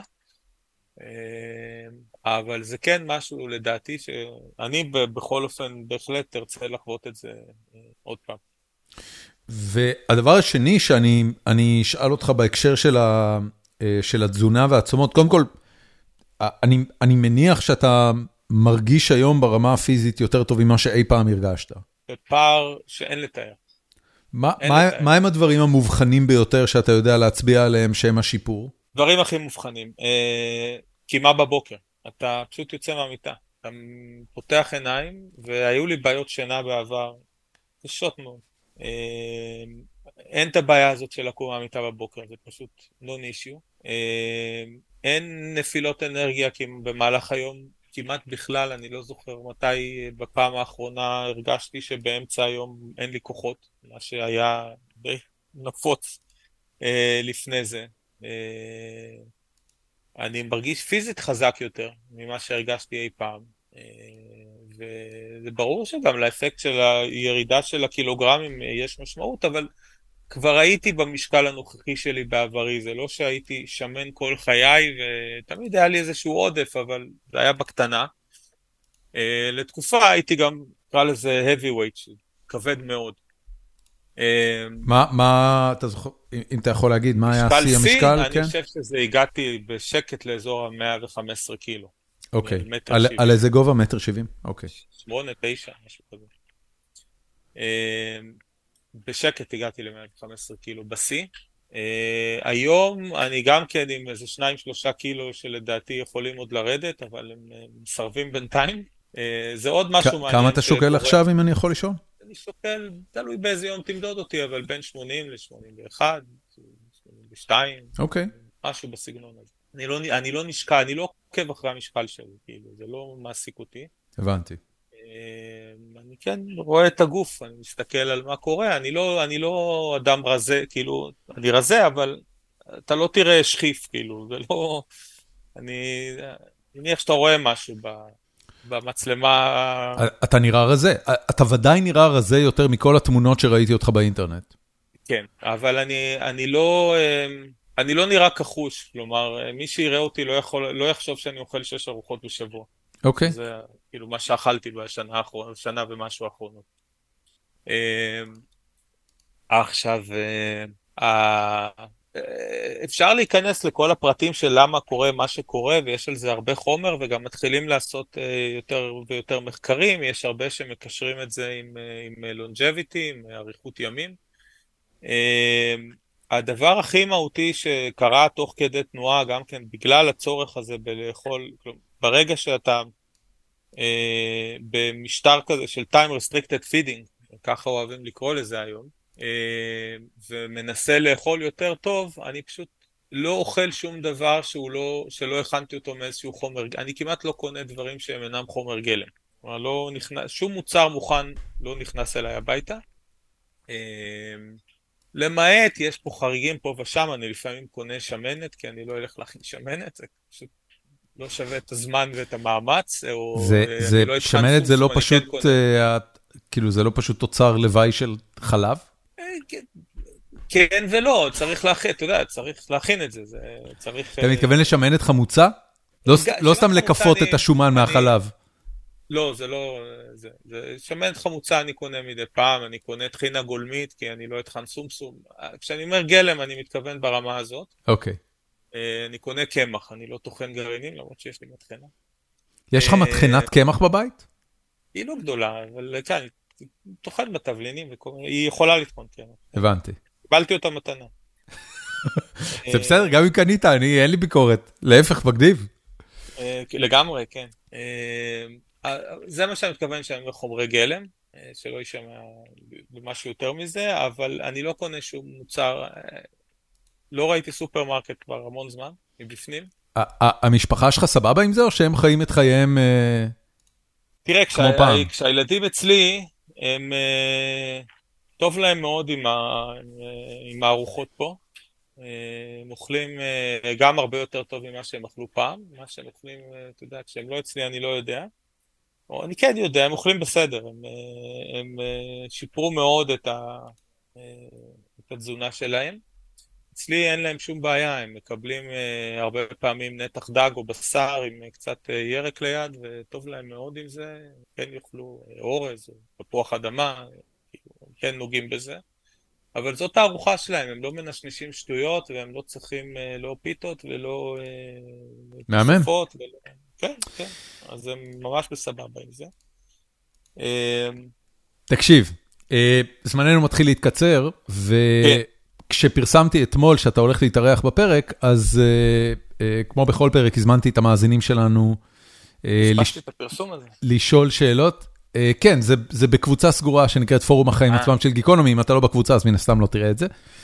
זו קהילת המאזינים שלנו אגב, כל האנשים המצוינים שמאזינים לפודקאסט הזה ומלווים אותו כבר שנים, חברים שם, ו, ושם מתנהל כל השיח סביב הפרקים. בכל מקרה, פרסמתי שאתה מתארח, אה, יש כמה שאלות של מאזינים שאני רוצה לעבור עליהם איתך. אה, אני אתחיל ברשותך משאלה של אה, דני בירן, שכתב ככה, קודם כל, הוא אחד האנשים, עליך, הוא אחד האנשים היותר מעניינים בטוויטר, אז רק שתדע שככה, זה מה שחושבים עליך. והנה השאלה, האם אתה מרוצה מהמצב של מובילנד, כלכלית, סלאש אומנותית וכולי, האם זה מה שהוא חלם כשהתחיל את זה, אתה? בסוגריים, אנחנו גרים ליד כרמיאל ומאוד מרוצים.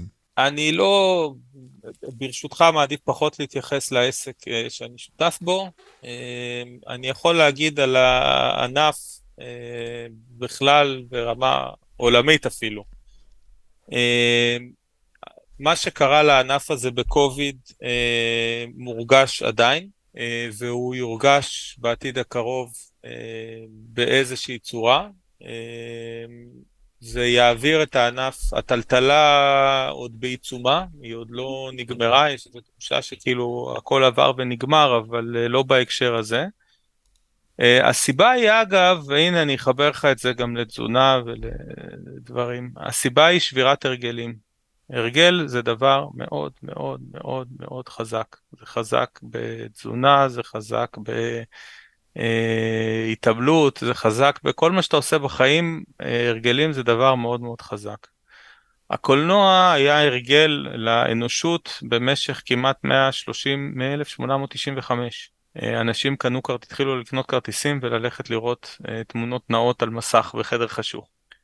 וזו הפעם הראשונה בהיסטוריה, אפילו במלחמת העולם, אפילו בשפעת הספרדית. העולם, זה לא נקטע כמו שזה נקטע הפעם. כן. נסגר על מנעול ובריח, אה, ובישראל אפילו להרבה יותר זמן מאשר בכל טריטוריה אחרת. וזה פשוט שבר את ההרגל של, אה, אצל הרבה מאוד אנשים של להגיע לקולנוע. מה שזה יאלץ את ה... וזה כבר מאלץ את ה... עכשיו תוסיף על זה את כל המסביב, הטכנולוגיה והבעיות אה, שהיא מביאה איתה וה-AI ומה שלא תרצה שהיום מרחף מעל, ה... מעל הענף הזה. והאין מנוס מלהבין לכל מי שעיניו בראשו שיש שינוי מאוד אה, דרמטי במודל העסקי. אני לא רוצה להיכנס לפרטים כי זו שיחה של שעתיים בפני עצמה. מה זה אומר המודל העסקי? כשאתה אומר מודל עסקי, המודל העסקי של קולנוע זה מכירת כרטיסים. זה לא רק, כל הענף הזה עובד בצורה מסוימת, מהאולפן שמפיק את הסרט ומתכנן את, את תזרים ההכנסות שיהיה לו משם בכל מה שקורה מהרגע שהסרט יוצא לאוויר העולם והלאה, בין אם זה בתי הקולנוע ובין אם זה מדיות אחרות. אה, זה קשור בוודאי גם לבתי הקולנוע ולמודל העסקי שלהם מול האולפנים ומול הנדלן שהם אה, מחזיקים אה, ומול הקהל והתמחור והרבה מאוד דברים. וכל ה... זה מערכת שלמה, זה ecosystem שלם שהכל קשור בהכל. אגב. אני, אני, אני אגיד אה, אני לא יודע אם הדבר הזה קורה בארץ היום, אבל פה בארצות הברית הולך ונהיה נפוץ יותר ויותר אה, מנוי לרשת קולנוע. שזה, אה, לי, לי יש מנוי לרשת אחת שיש לה Cineplex קרוב לבית שלנו, 9 דולר בחודש או 9.99 בחודש, כרטיס אחד חינם גרנטיד כל חודש ועוד הנחות לכל היתר, זה בתכל'ס סוג של מועדון, אתה יודע, מועדון נאמנות כזה, רק עם דמי מנוי. אה, אבל יש רשתות, אה, ריגל ואלמו, רשתות כאילו קצת יותר קטנות ומקומיות, אה, שב-20 דולר בחודש, אתה יכול לראות עד שני סרטים בשבוע, כל שבוע לנצח. שזה כן. דרמטית מוריד את העלות פר כרטיס, אבל מייצר ל, לרשת בתי הקולנוע תזרים מזומנים קבוע ויציב. מכיר, מכיר את המודלים האלה. יש כזה בארץ? יש כל מיני סוגים. כזה ספציפית לא, אבל יש כל מיני סוגים אחרים של מועדוני מינויים ודרכים אה, להנחות. אבל כשאתה אה, מדבר על שינוי במודל העסקי, אתה חושב שזה פשוט ילך לשם, או שאתה מדבר לא, על משהו לא, אחר? לא, אני חושב שזה יהיה שינוי אחר לגמרי, אה, זאת שיחה בפני עצמה, תאמין לי. אבל זה שינוי, זה שינוי דרמטי, שהוא מה brick and mortar, מה... מהמקום הפיזי של מה זה בכלל קולנוע, איך הוא נראה ומה הוא מציע, ועד לאיזה סוג סרטים ש... בוא נגיד שבגדול, ואני לא המצאתי את זה, זה כבר, אתה יודע, יש גדולים וטובים ממני שהצביעו על זה לפני הרבה מאוד שנים כבר. Uh, הקולנוע עובר איזשהו תהליך של uh, uh, הפיכה לסוג של ברודוויי. Uh, זה פחות הביט יומיומי, uh, קליל ומהיר אה, החלטה, ויותר איבנט שאתה מתכונן אליו, מתכנן אליו, וגם הוא יקר יותר. זאת אומרת, זה כבר לא עניין ספונטני. זה הולך ופוחת מלהיות עניין ספונטני, וקוביד פשוט הקפיץ משהו שהיה אולי לוקח אה, שניים או שלושה עשורים, והופך את זה למשהו שהוא כבר מתדפק על הדלת. הבנתי. בגלל אותו הרגל שנשבר. בוא, בוא נעבור לשאלות הבאות. אה, יש לנו מאזינה קבועה שלא רוצה שיזכירו את שמה, אז אנחנו נכנה אותה המאזינה שאין להזכיר את שמה. Okay. אה, אוקיי. והנה השאלה שלה, אם עדיין לא צפיתי בסרט ברבי, איך סרט שמבוסס על דמות שבמשך שנים יצרה בעיות דימוי גוף אצל נשים, זוכה לכל כך הרבה סיקור חיובי מצד השמאל? אה, דיברנו על זה קצת בהתחלה, אבל יש לך תשובה קצרה וקולעת לאיך הם סגרו את הפינה הזאת כל כך אלגנטי? הם פשוט הטיחו את זה בפרצופה בצורה הכי אה, ישירה שיש, כלומר ברבי עומדת שם וסופגת מאותה נערה אה, מטח של, אה, של האשמות בין היתר מהסוג הזה, אני כבר לא owned it, אתה אומר, הם, הם פשוט לקחו, הפנימו את זה, לקחו את זה פנימה כן. לתוך הסרט.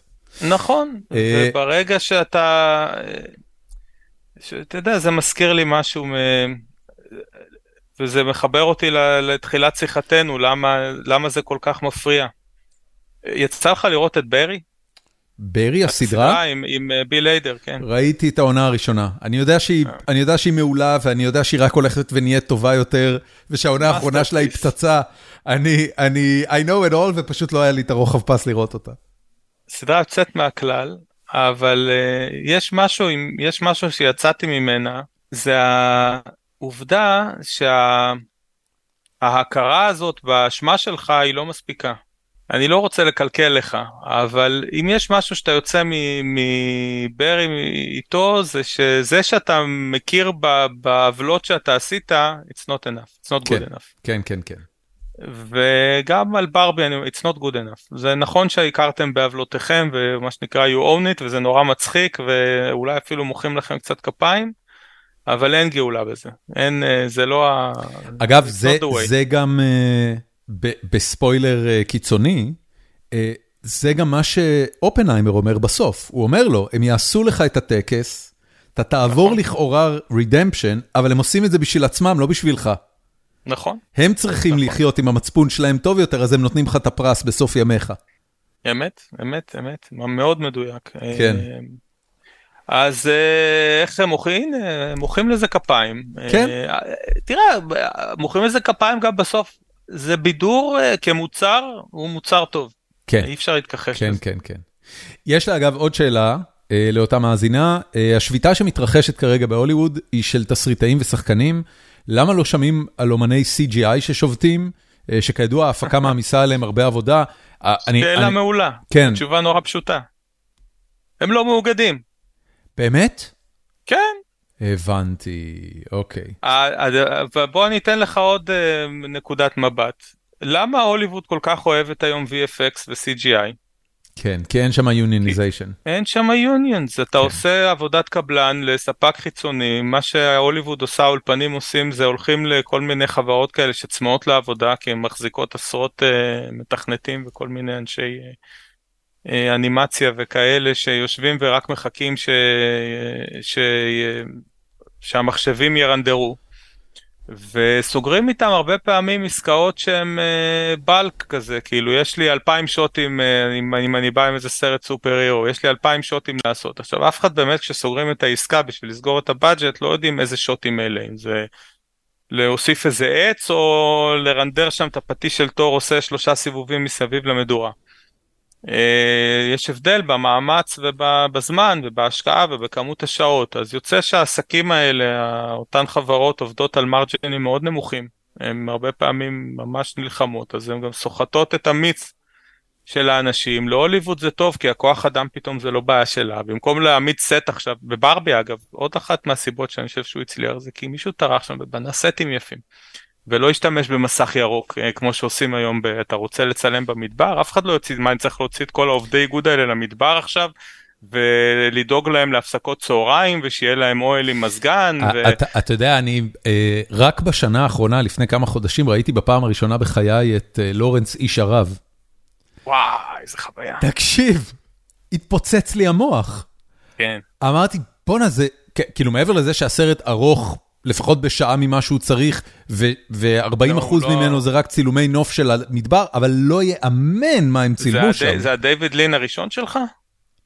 אה, אני לא יודע, מה עוד דיוויד לין עשה? לנהר קוואי, דוקטור ז'יוואגו. לא, ראיתי את אה, שניהם, ראיתי את שניהם אה. לפני שנים. הסרטים של דיוויד לין הם מוצרי נשימה, ממש. וואו, איזה שוטים. זה ברמה שאתה לא מאמין שבכלל הצליחו לצלם את זה.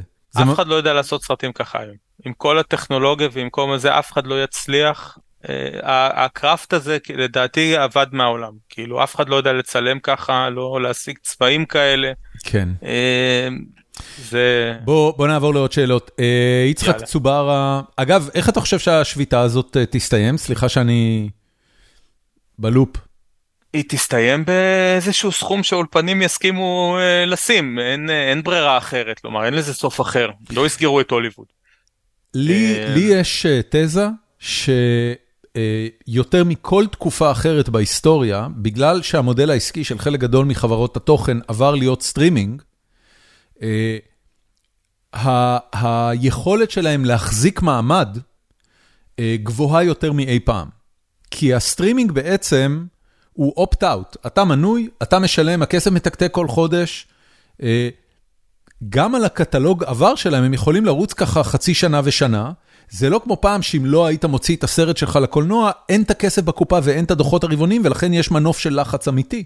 פה, כל עוד שירותי הסטרימינג, אתה יודע, דיסני למשל, כל עוד אנשים ממשיכים לשלם דיסני פלוס, אז גם בלי תוכן חדש הם יכולים להחזיק שנה, ובוודאי שבעלי המקצוע לא יכולים להחזיק שנה בלי פרנסה.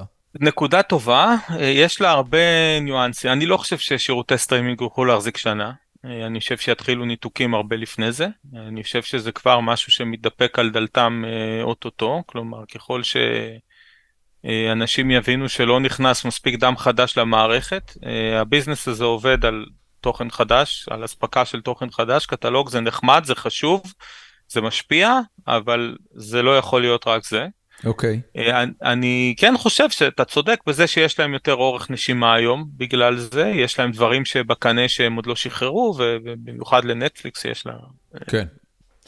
טוב, אמ, יצחק צוברה שואל, אה, או כותב, שוב, ספוילר, אה, אה, כל הקטע הזה הולך להיות ספוילר על אופנהיימר. חזרתי די מאוכזב מאופנהיימר, וכך גם ידידה שלי שצפתה איתי בסרט.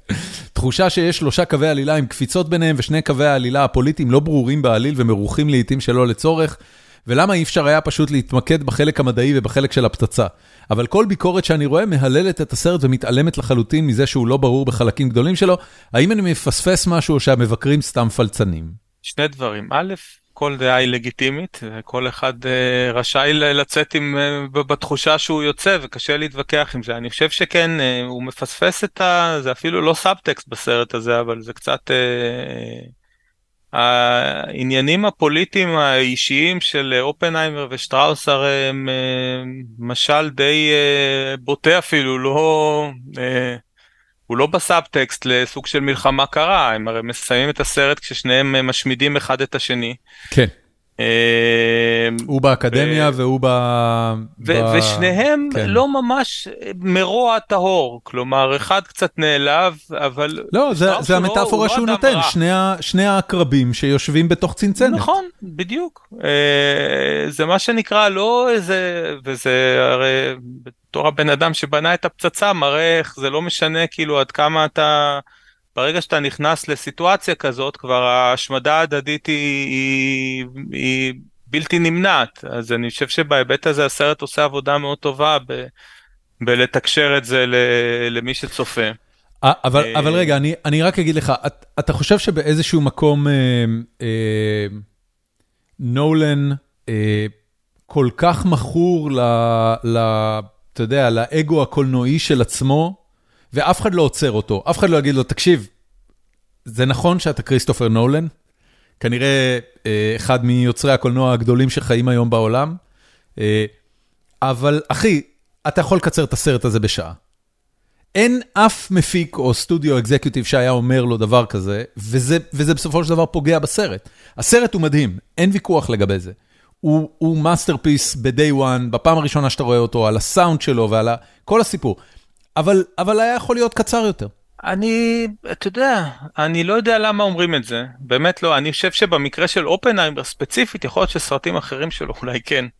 אני חושב שאופנהיימר לא הייתה מזיקה לו עוד חצי שעה, ואני אומר את זה בשיא הכנות, במיוחד במערכה הראשונה.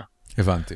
אה, אני לא הרג... אתה יודע, ישבתי בקולנוע, ובהיות וקראתי את הספר, הסיום של המערכה השנייה, כשהפצצה מתפוצצת, אני מניח שזה לא ספוילר, אה, זה, זה לא כשהפצצה מתפוצצת, זה הניסוי. הניסוי, כן. את, הפצצה אה, עצמה לא נכון, מראים נכון. בשום נקודה. נכון, נכון. אני מדבר על הניסוי, על כן. טריניטי. כן, כן. אה, הסתכלתי על השעון ואני רואה שיש עוד שעה, כן. גם, ואני אומר לעצמי, כן, על מה? איך הוא יוצא מזה עכשיו? מה הוא, איך הוא עכשיו את כל הזה מצליח, ואתה יודע, אני חושב שהמערכה השלישית היא בפער יותר הכי טובה בסרט. היא... באמת? היא, היא כל כך אה, סוגרת, מדביקה את כל היצירה הזאת ויוצקת בה אה, את כל המשמעויות שהוא רצה לצקת בה, גם על ה... על ה... תראה, זה הרי גם סרט מאוד, אה, מאוד אה, אקטואלי, על, על מדע שמתעסק עם טכנולוגיות הרות גורל, כן. כשהמדענים בטוחים שהם אה, עושים טוב ובאים עם, עם שפע כוונות להציל את העולם ולמנוע מלחמה, ו, ואף אחד לא מפקפק הרי בכנות של הכוונות, ובסוף מייצרים משהו ש... כן. אה, איך נגיד את זה, לא בדיוק אה, עמד בציפיות שלהם בהקשר הזה, וזה נורא רלוונטי לעכשיו. אני חושב שכל הסיפור הזה של, של כל מה שקורה שם, ב, ב, קוראים לזה החלק הפוליטי, הוא, הוא זה ש... ש אחרת אוקיי, יש לך סרט מעניין על מדען שבונה פצצה, והוא הוא עובד בהיבט הזה, כלומר אם היית מסיים את הסרט במערכה השנייה אנשים היו יוצאים יותר מרוצים, אני חושב שכן, אבל מה ראית? ראית סרט על ביוגרפיה די סטנדרטית על איש שבנה פצצה. אוקיי, כן. אבל עם מה יצאת מזה? עם כלום. המערכה השלישית היא מה שנותנת, מה שמאפשרת לך לצאת עם מחשבות שהן נוגעות לחיים שלך כאן ועכשיו. אני לא... שאלה הבאה, אה, אה, כן. אנחנו יכולים לדבר על זה עוד שעות ארוכות. נכון. אה, זה מה שכיף בזה אגב.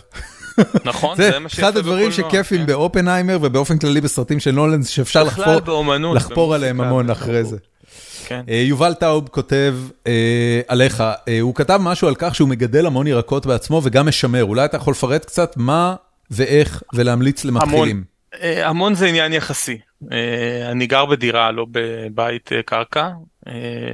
יש לי על החלונות מין אדנים כאלה שמאפשרים לי מייצר שם במצטבר כמה שמונה תשעה מטר של גידולים, אה, לא יותר מזה. אה, אבל אה, כן, אני מגדל שם בעיקר ירוקים, קצת תותים, כל מיני עלים לחליטות, דברים מהסוג הזה. זה גם מאוד כיף ומאוד מספק ועוזר להכניס את כל ה... תראה, ברגע שאתה אוכל אה, בתדירות נמוכה, אז אה, חשוב גם שתהיה שמחה מסביב לזה. כלומר, אני לא רוצה לאבד את הקשר. עם... אני מאוד אוהב לאכול, זה לא הלך לאיבוד. כן. אז הקטע שלפחות מה שאני יכול פה בתנאים המאוד בסיסיים שיש לי, אה, אני משתדל להוציא מזה את המיטב, ואני מאוד נהנה מזה, אני ממליץ... מה היית לא ממליץ למי שרוצה להתחיל בזה?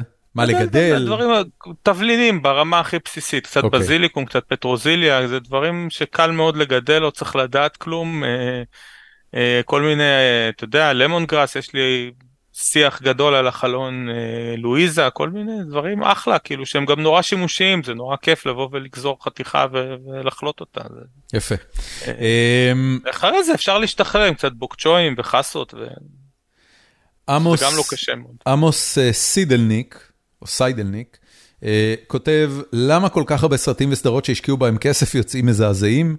אה, הוא מדבר על וויצ'ר, רינגס אוף פאוור, תור 4, ג'ון וויק 4, שומרי הגלקסיה 2 ו-3 וכולי וכולי. זה מאוד הדעות שלו, כי לפחות חלק מהסרטים האלה, אני ממש נהניתי מהם. אבל... אני מת על השאלות האלה, זו שאלה מאוד טובה, אבל התשובה היא מאוד מאוד פשוטה. אני חושב שמה שאנשים באופן כללי פחות מבינים, זה כמה זה קשה לעשות סרט. קשה לעשות סרט גרוע, זה קשה, זה פעולה קשה. לעשות סרט זה דבר קשה. גם אם אני אגיד לך עכשיו בוא אני ואתה נקום ונעשה סרט גרוע שאנחנו מראש לא מצפים שהוא יהיה טוב, יהיה לנו קשה. זה, זה עבודה קשה. אז אם לייצר משהו רע זה קשה, תאר לך כמה זה קשה לייצר משהו טוב. אתה, אבל... אתה אומר קשה, אתה מתכוון במובן הזה שרק כדי שבסוף יהיה סרט, זה המון נכון. המון המון עבודה, לא משנה אם הוא גרוע או טוב. אתה לא מדבר נכון. על בוא נעשה סרט גרוע כמו המפיקים, שהוא אומר בוא ניקח מלא כסף, נעשה מיוזיקל פח אשפה וניקח את הכסף לכיס. לא, אני אומר, ברמה הכי בסיסית, הכי פרקטית, הכי תפעולית, הכי אה, יומיומית, לעשות סרט זה דבר קשה. קודם כל כי זה מצריך אה, עבודה של המון המון אנשים. ואתה אה, לא יכול, כאילו, אתה לא יכול לעשות הפקה אה, משמעותית של תוכן. אולי אתה יכול אם אתה סטיבן סודרברג עם האייפון, אבל... אה, אבל אני, אתה יודע משהו, אני לא אשאל אותך דבר כזה, לקווין פייגי אה, בדיסני, היה איזה, לא יודע מה, עשור, מדהים לחלוטין, שבו כמעט כל מה שהם הוציאו אה, עשה חצי מיליארד דולר ומעלה. באמת, סדרה ארוכה איזה... השאלה האם, האם הכל היה טוב? ממש ממש לא. אז, אז איך אתה מסביר את זה שהיה לזה כזה פיל ועכשיו זה, זה ממש, אתה יודע, ממש מבאס אנשים. כאילו זה מרגיש, אתה רואה חלק מהסרטים האלה, אתה בא לך לצאת באמצע מרוב שראית את זה כבר. אני חושב שכמו כל דבר זה עניין של פשוט עייפות ממשהו. אה, כמה אתה יכול אה, לראות אותו דבר שלא משתנה וגם נכנס זה, אגב, זה גם עייפות של אותם אנשים שיוצרים את זה כאילו בסוף אתה יודע אותו קווין פייגי גם מתעייף הוא בן אדם הוא לא קוסם. כן. כמה אתה יכול להיות מעורב ומושקע בזה ואחרי שהגעת ל peak שהוא באמת שיא של כל הזמנים הבאת את ה... את ה... את ה... שיא של הסדרה שלך את אנד גיים להיות באמת אנד גיים ולעמוד בראש טבלת שוברי הקופות של כל הזמנים להביא אנשים לאקסטזה באולמות קולנוע של מחיאות כפיים והתרגשות וצפיות חוזרות ומה שאתה רוצה. אתה, אתה מדבר כמובן על אינפיניטי וור ואנד גיים. כן אז אני אומר בתור יוצר אפילו בתור מי שאחרי שאתה מגיע לפיק כזה אין לך הרבה לאן לעלות משם. כאילו כמו כל יצירה אתה יודע. כן. כמה אתה יכול עוד ועוד בסוף יש לזה איזה תקרה. ואז תשאל אותי היום, אני מסתכל על, הזכרת את ה... כל מה שנקרא אינפיניטי סאגה, אותה, אותו עשור ומשהו של מאיירון מן 1 ועד אנד גיים. כן.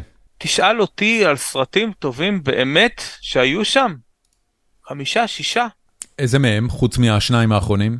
ווינטר סולג'ר? כל הסרטים של הרוסואים בעיניי היו רמה אחת מעל, ואם okay. אוקיי. גם אתה יודע, לדעתי מי שיראה רק אותם סגר את הסדרה די יפה.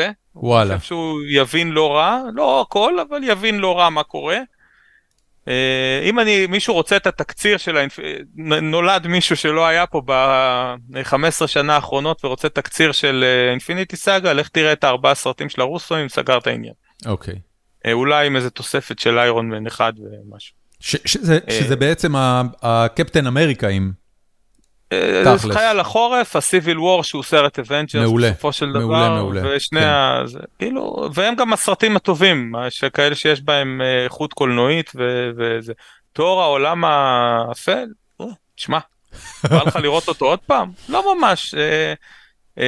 איירון מן 3 נחמד בסדר לא ממש סרט אה, יצירת מופת אה, קולנועית אה, שתיזכר כן, לדורות כן, כן, כן. אנטמן בסדר.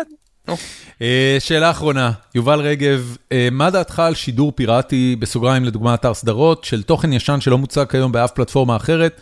האם כיוצר היית תומך בשת"פ אה, של האתרים הפיראטיים האלה עם חברות תקשורת מסחריות, כמו פרטנר, סלקום, הוט, יס וכולי? אני לא יודע בדיוק על איזה שת"פ הוא מתכוון, אבל הוא כן נוגע בעניין הזה שיש הרבה מאוד תוכן שלאף אחד כמעט אין אינטרסים מסחריים איתו, ו... וחוץ מאשר במדיות פיראטיות, אתה לא יכול לצרוך אותו בשום מקום. תראה, ברמה הכי בסיסית אני מתנגד לפיראטיות מכל אה, סוג שהוא, אה, לא רק בהיבט החוקי, אני חושב שזה אה, לא מוסרי לקחת יצירה של מישהו ולייצר ממנה רווח אה, שלא כדין, ומי שחושב שהאתרים האלה הם רובין הוד, אז אה, שישתה משהו הם לא, הם מרוויחים כסף והרבה. זה אף אחד לא עושה את זה לשם שמיים.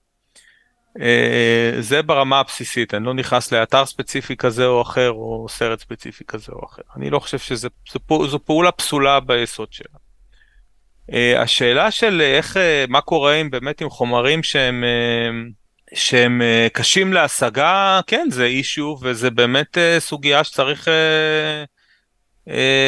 מה שנקרא אולפנים צריכים לחשוב מה הם עושים איתה אבל עד היום אה, היא הוכחה כלא כלכלית אה, או לא מאוד כלכלית לפחות. רק בשבועות האחרונים היה אישיו עם, עם TCM, טרנר קלאסיק מוביז של וורנר, שאדון המנכ"ל זסלב שם פיטר שלושת רבעי מכוח האדם. אה, ספילברג, סקורסזה ופול תומאס אנדרסון קפצו עליו אה, ודרשו שהוא יחזור בו ושישמר את כמה זה חשוב להקרין את הקלאסיקות האלה בערוץ הזה אה, וכולי וכולי והאמת שהוא ערוץ רווחי אבל לא מאוד. זה לא איזה בוננזה כלכלית כזאת או אחרת וזו באמת שאלה מה, מי, מי אמור לשמר את, ה, את העניינים האלה. תראה, אני חושב שצריכים לקרות שם שני דברים. אחד, יכול להיות שצריך לשקול מחדש מתי סרט תוכן הופך להיות פאבליק דומיין. ואתה יודע, יש דעות לכאן ולכאן, ואני מודה שזו לא סוגיה שיש לי איזה פתרון קסם בשבילה להגיד 50 שנה וזהו, אני לא יודע, אתה יודע, זה, יש לזה הרבה השלכות והרבה אה, אה, הרבה טענות לכאן ולכאן, אבל יכול להיות שצריך אה, גם לחשוב על זה. אה, ואני חושב, וזה קשור גם לשביתה שהזכרת קודם, אני חושב שהאולפנים ובכלל חברות אה, קפיטליסטיות צריכות להפנים שהחיים זה לא רק כסף ויעילות, ויש מחירים שצריך לשלם, לא בגלל שהם משתלמים, אלא הם חשובים, הם חשובים לאנשים. וזה צריך, אתה יודע, זה עניין uh, תפיסתי, תרבותי, שצריך, uh, הקטע הזה שתמיד עושים, uh, במרכאות, uh, כי אני לא בטוח שזה נכון, מה שטוב לעסק, לא צריך להיות ככה. לא צריך להיות ככה. הרי תחשוב שכל האולפנים היו מתאגדים והיו אומרים, חבר'ה בואו הספריות שלנו באמת, אנחנו הגרושים שאנחנו עושים מ-TCM ומכל מיני סרטים שעשינו עד 1942, סתם זורק. כאילו. בואו נעמיד אותם בחינם על פלטפורמה שנכון, היא תעלה לנו קצת כסף וזה, אבל נהפוך אותם לזמינים, כי אנחנו חושבים שזה חשוב שאנשים יוכלו לצפות בזה, וכל שנה נוסיף שנה, לא יודע, משהו כזה. כן. אף אחד לא יעשה את זה כי יבואו בעלי מניות. כן, כי קפיטליזם, לא, בטח. כי קפיטליזם, אבל אני אומר, אוקיי קפיטליזם, אבל לא הכל זה קפיטליזם בחיים. בקיצור, אתה בעד. אני בעד. אני אה, לא, אני לא בעד פיראטיות, עוד פעם, אני בעד שהנושא הזה יוסדר. כן, אה, אני לא כן, יכול כן. לתמוך במי שלוקח משהו שלא שלו אה, והופך את זה לשלו, גם עוד פעם, לא, אף אחד לא רובין הוד שם. לא... אפי, חוץ, מ, חוץ מטוויטר, איפה עוד אה, כיף וכדאי לעקוב אחריך? מה עוד, אה, מה עוד אתה עושה בימים אלה? וואי, אה, אני ברשתות חברתיות, אתה יודע, בואו בזה נחבר גם כן, נסגור מעגל. אני פתחתי טוויטר לפני, לא יודע, 2015, 2014, משהו כזה, אבל לא, הייתי קורא בלבד, מה שנקרא, לא, במשך הרבה מאוד שנים. אה, מה שהביא אותי לצייץ זה הצומות. אותם דילוגים על אה, אוכל. אה, כי הסיבה היא שאתה פתאום, אה, יש לך כל כך הרבה פנאי, שאתה כאילו, אתה, אתה לא מבין כמה פנאי מנטלי אוכל תופס לנו. 250 החלטות ביום לבן אדם ממוצע, גם החלטות לא מודעות, זה המון משאבים מנטליים. וכמה פנאי פיזי זה גוזל ברגע כשאתה אוכל שלוש ארוחות ונשנושים וכל מיני דברים כאלה. ופתאום התפנה לי כל הזמן הפנוי הזה, אז הייתי צריך למלא אותו, כי אחרת אתה, מה, מסתכל על הקירות? אמ, אז uh, התחלתי לצייץ, ואתה יודע, ולאט לאט זה uh, uh, סיפק אותי. Uh, ונהניתי וזהו, אבל אני לא טיפוס של רשתות חברתיות. פתחתי עכשיו את ה... אצל האדון צוקי המתחרה בטרדס, אבל אני לא כל כך מבין מה קורה שם. אני לא מאוד... אה, אה, לקח לי זמן להבין את טוויטר, ואני לא מאוד, אני לא מבין את אינסטגרם, אני לא מבין את פייסבוק, אני פשוט לא מבין את ה... לא, לא מצליח להבין אה, מה אנשים מוצאים בזה. בטוויטר קצת יותר, למרות שהיא גם מעצבנת אה, בדרכה. אה, אוקיי. זהו, אני חושב, כאילו, אני שמח שהשטויות שלי מעניינות, אני יודע.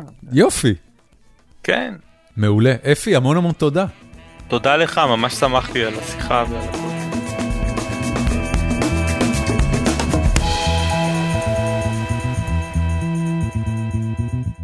ועד כאן הפרק. אמ, איזה כיף, ממש אה, שמחתי להכיר את אפי, ואני הולך להפוך אותו לחבר שלי בין אם הוא רוצה ובין אם לא. אמ, הבטחתי שאני אקדיש את החפירה שלי היום לטיול שעשינו באירופה, אז אה, אז הנה הנה הסיפור. אה, במקור, אני לא ראיתי את המשפחה שלי כי לא ביקרתי בארץ מאז 2019. אז אה, כשהתקרב הקיץ, התחלנו לדבר על זה שבמקום שאנחנו נבוא לחופשה בישראל, שהיא חופשה בלתי כיפית בעליל, כי כולם עובדים חוץ ממך, אתה נמצא בחופש וכל האחרים לא, וצריך להסתובב בארץ ולפגוש את כל מי שאתה רוצה לפגוש. אז אמרנו, במקום זה בואו ניפגש כולנו באירופה, אתם תבואו מישראל, אנחנו נבוא מארצות הברית וניפגש שמה. החלטנו להיפגש באוסטריה, באזור שנקרא זלצבורגלנד, שזה המחוז שליד זלצבורג בעצם. ואני והמשפחה שלי החלטנו להקדים ולהגיע לאירופה מוקדם יותר, ולעשות טיול בעצמנו, רק ארבעתנו. נחתנו בלונדון, בילינו כמה ימים בלונדון, הלכנו לפריז, היינו עוד איזה יומיים שלושה בפריז, המשכנו ליורו דיסני, עשינו יומיים שם, ואחר כך לקחנו אוטו וחרשנו את צרפת, שווייץ, עברנו דרך ליכטנשטיין, שזה נסיכות קטנה שנמצאת בין אוסטריה לשווייץ, ולוקח בדיוק שבע דקות לחצות אותה מקצה לקצה. אתה, זה, זה מצחיק, כי המערכת נביגציה באוטו מקפיצה לך פרומפט כשאתה חוצה את הגבול משוויץ לליכטנשטיין, ואז שבע דקות אחרי זה פתאום אתה מקבל פרומפט של ברוכים הבאים לאוסטריה, ואתה יודע שנגמרה ליכטנשטיין. ו... ואז נסענו בתוך אוסטריה, דרך אינסבורג, ופגשנו אותם איפשהו באזור של צלמזי. כמה דברים על הטיול הזה, יש לי המון מה לספר על הטיול הזה, אולי אני צריך לחלק את זה לכמה חפירות, אבל קודם כל, לונדון הייתה מהממת, אטרקציות כיפיות, גם הילדים שלי נהנו, כמובן כולם דוברי אנגלית, אז זה ממש קל ונחמד למי שמגיע מארצות הברית. והאוכל היה פנטסטי. ללונדון היה, לפני הרבה שנים, היה מוניטין של מקום שאין בו אוכל טוב, אבל זה כמובן מזמן לא נכון. לונדון היא עיר מסעדות מדהימה, ואכלנו שם גם ארוחה איטלקית משגעת וגם ארוחה הודית במסעדה שנקראת דישום, שהייתה אחת הארוחות ההודיות הכי טובות שאכלתי בחיים שלי, אם לא הכי טובה. והבנתי בדיעבד שהמסעדה הזאת היא big deal, כאילו, גם חברים שלי שגרים בלונדון אמרו לי שהיא מעולה, קוראים לה דישום. ואז לקחנו את רכבת היורוסטאר, ועברנו איתה לפריז. פריז היא העיר היפה ביותר שהייתי בה אי פעם בחיי, היא, היא, היא, היא בנויה מדהים, ו, וזה כיף לא נורמלי להסתובב בה. עוד לא הייתי במזרח הרחוק, יכול להיות שטוקיו יותר יפה ממנה, אבל, אבל פריז באמת מהממת. והאוכל בה אה, הוא, הוא, הוא מדהים לחלוטין. לא משנה לאן אתה הולך, כל בולנג'רי ופטיסרי הכי קטנים שיש, יש להם לחם משגע ו, וקרואסונים מדהימים, ואפילו ארוחת בוקר במלון הייתה פצצה, אה, וזה היה כיף לא נורמלי. ואז אה, עברנו ליומיים שלנו ב, אה, בדיסנילנד. דיסנילנד, אה, קודם כל, הפארק עצמו הוא פשוט נהדר. לא משנה, הייתי בדיסנילנד בסך הכל פעם אחת לפני זה בחיים שלי, וגם לא בדיסנילנד הזה, אלא ביורו דיסני של, סליחה, בדיסני וורלד של אורלנדו, בפלורידה, אבל, אבל דיסני היא חברה שיודעת לעשות פארק שעשועים יותר טוב מכל אחד אחר על פני כדור הארץ. כמות האנרגיה שהם משקיעים בלקחת את ה-rides, את המתקנים, ולעשות מהם משהו שהוא יותר מזה, היא פשוט מופלאה, והמקום שבו הדבר הזה בא לידי ביטוי הכי טוב, הוא בתור. עכשיו, מי שהיה באחד מהפארקים האלה יודע שהתורים הם, הם עצומים, יש שם מתקנים שכדי לעלות עליהם, אתה צריך לעמוד בקלות חצי שעה, לפעמים שעה בשיא הצפיפות. ה-rides הכי פופולריים, אתה צריך לעמוד שעה וחצי בתור. וצריך להעביר את הזמן הזה איכשהו. זאת אומרת, אנשים עומדים בתור, בחוץ לא חם מאוד, אבל, אבל זה בוודאי לא כיף. והם מתקדמים לאט, לאט, לאט, לאט, לאט בתור. ו, ודיסני עושים דברים מדהימים עם התור שלהם. קודם כל, כש, כשהתורים, החוויה הולכת ומתעצמת ככל שאתה מתקדם בתור. אז אתה מתחיל לעמוד באיזה משהו שהוא ממש נראה כמו איזה תור של ביקורת גבולות או משרד הפנים. הולכים בו בשביל מתפתל. אבל אחרי זמן לא רב, אתה כבר נכנס למקום שבו התור, אתה ממשיך להתקדם, אבל, אבל התור הוא כבר קצת יותר מעניין. לפעמים יש מסכי וידאו, לפעמים יש איזה משהו לקרוא, להסתכל, שנותן לך איזה הכנה לרייד. ואז אתה עובר לחדר הבא, שהוא כבר השלב הבא של התור, זה עדיין לא הרייד. השלב הבא של התור, חדר גדול, או איזה אולם, או איזה משהו שאתה עומד בו, ובזמן שאתה מחכה, נותנים לך איזה הסבר על, ה, על הסיפור של האטרקציה. אה, קרה איזה קטסטרופה, הולך להיות ככה, אתה צריך לעשות ככה, אתה צריך לעשות... מעבירים לך בסבבה עוד איזה חמש עד שבע דקות, ואז מעבירים לך אותך לעוד חדר, ושם כבר נותנים לך תדריך ממש על הרייד, על מה אתה הולך לשבת, ואיך אתה צריך להיזהר, ואיך אתה צריך לקשור את עצמך, או מה שזה לא יהיה. וגם זה מעביר לך עוד כמה דקות, ו, ובסופו של דבר יוצא שגם אם אתה צריך לחכות 40 דקות או שעה בתור, זה מרגיש כאילו זה לא עמידה אה, מתסכלת בתור. וזה בעיניי דבר מדהים שדיסני מצליח לעשות, וכמובן, אה, אף פארק לא מצליח לעשות את זה טוב כמוהם. הם מקדישים אנרגיות אדירות לזמן שאתה מחכה כדי לעלות על הרייד. בסופו של דבר מגיע הרגע שבו אתה צריך לעלות על הרייד, וכל המתקנים שלהם נגמרים פחות או יותר אחרי 3-4 דקות, שום דבר הוא לא אה, יותר ארוך מזה. אבל העניין הזה של, אוקיי, האנשים תקועים, הם חייבים לעמוד בתור, הם רוצים לעלות על המתקן, צריך איכשהו להעביר את הזמן, אה, זה עניין מטורף, וזה ממש, ריג... ממש ריגש אותי כל פעם מחדש. כשעלינו על מתקן, ומהתקדמות להתקדמות, מחדר לחדר, אמ, אתה רואה את התור, איך הם עושים שם עבודה טובה בלהעביר לך את הזמן, אה, ולהעביר את הדקות המתסכלות והשוחקות שאתה צריך עד שאתה מגיע למתקן עצמו. אמ, זה הופך בסך הכל את החוויה בפארק להרבה הרבה הרבה יותר נעימה. אחרי שפיארתי את ה-rides שהם באמת מדהימים, ואת התור, שהוא איכשהו מצליח להעביר לך את הזמן, אז הנה משהו מוזר. אה, יורו דיסני נמצא במרחק של אה, פחות או יותר 40 אה, דקות נסיעה ברכבת ממרכז העיר פריז. פריז, כמו שאמרתי קודם, היא העיר המדהימה ביותר לאוכל שאפשר לדמיין. יש שם אוכל נפלא ובכמויות פסיכיות, בין אם זה אוכל רחוב ובין אם זה מסעדות high-end, בין אם זה מאפיות ובין אם זה דוכני פירות. אתה נכנס ליורו דיסני, האוכל הוא פח אשפה. פח אשפה. כל אה, המבורגריה שנכנסנו אליה, כל קפיטריה שנכנסנו אליה, פשוט לא היה שם אוכל טוב, וזה היה דבר נורא מתסכל ומוזר עד לרמה כזאת, שהיינו אוכלים ארוחת בוקר גדולה וטובה במלון, ו, וכמעט ולא אוכלים במהלך היום, כי זה פשוט היה פח של אוכל. עכשיו, זה לא ייאמן, כי אם היית יוצא מהפארק, והולך חמש דקות ליד, לעיירה סמוכה, לבולנג'רי שיש להם במרכז העיירה, הלחם הוא מדהים, וקצת חמאה וקצת ירק ואיזה חתיכת גבינה או פתה, ואתה מאושר לכל היום. אבל בדיסני אין את זה. זה הכל אה, אה, מסעדות מזון מהיר שתפקידם במחיר מופקע להאכיל אנשים רעבים שרוצים להספיק כמה שיותר באותו יום, והאוכל פשוט גרוע. היוצא מן הכלל הקטן של הדבר הזה, זה שבאיזשהו אזור ביורו דיסני יש שם שני פארקים, אחד נקרא וולט דיסני סטודיוס והשנייה נקרא דיסנילנד. הוולט דיסני סטודיוס כאילו מוקדש ל, אמ, ל, לכל מיני דברים שדיסני עושה שהם לא הנסיכות הקבועות. אז יש שם את האזור של פיקסאר ויש שם את האזור של מארוול וכולי.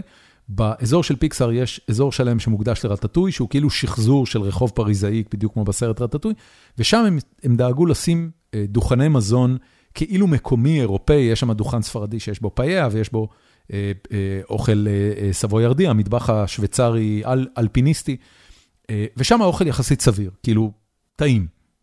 כל היתר, פח אשפה. לא יאמן הקטע הזה. כשחזרתי לארה"ב, אז נפגשתי בסוף שבוע עם חבר, שאמר לי, אתה יודע, זה בכוונה ככה. אמרנו, מה זאת אומרת זה בכוונה ככה?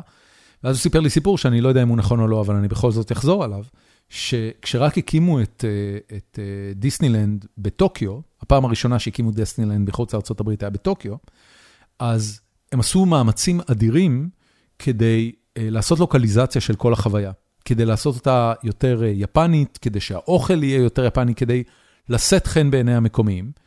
והתגובה לזה של הקהל, כך חבר שלי מספר, הייתה נוראית. כי הם באו לקבל חוויית דיסני, הם באו לקבל חוויה אמריקאית, ואמריקה זה אוכל גרוע. הם רצו את ההמבורגרים המחורבנים שיש בקפיטריות של דיסנילנד. ואז אה, כשדיסני גילו את זה, אז הם פשוט הסבו בחזרה את הפארק ואמרו, אוקיי, ההבנה היא שכשאנחנו בונים פארק דיסני במדינה כלשהי, אנחנו לא צריכים להתאים אותו למדינה, אלא אנחנו באמת מביאים את דיסנילנד למקום הזה. ו, אה, ו, ומה שחבר שלי אומר זה שהדוכני אוכל הגרועים הם by design. אני לא יודע, זה לא נשמע לי הגיוני, ובכל מקרה, הפארק הזה צריך שדרוג דרמטי באוכל שלו, אבל כל יתר האספקטים הם פנטסטיים, ואני לא יכול אה, אה, להקטין את ההמלצה, פשוט חייבים לבלות שם. מי שנוסע לפריז, מי שנוסע לאירופה, אם הוא יכול להגיע ליורו דיסני, לבלות שם יום, יומיים, זה כל כך שווה את זה, אין לתאר. עד כאן החפירה שלי להפעם, יש לי עוד דברים לספר לכם על הטיול, על דברים שראיתי באוסטריה ועל דברים שראינו בדרך בשוויץ, אבל כל זה בפרק הבא. תודה רבה שהאזנתם, נתראה בפרק הבא.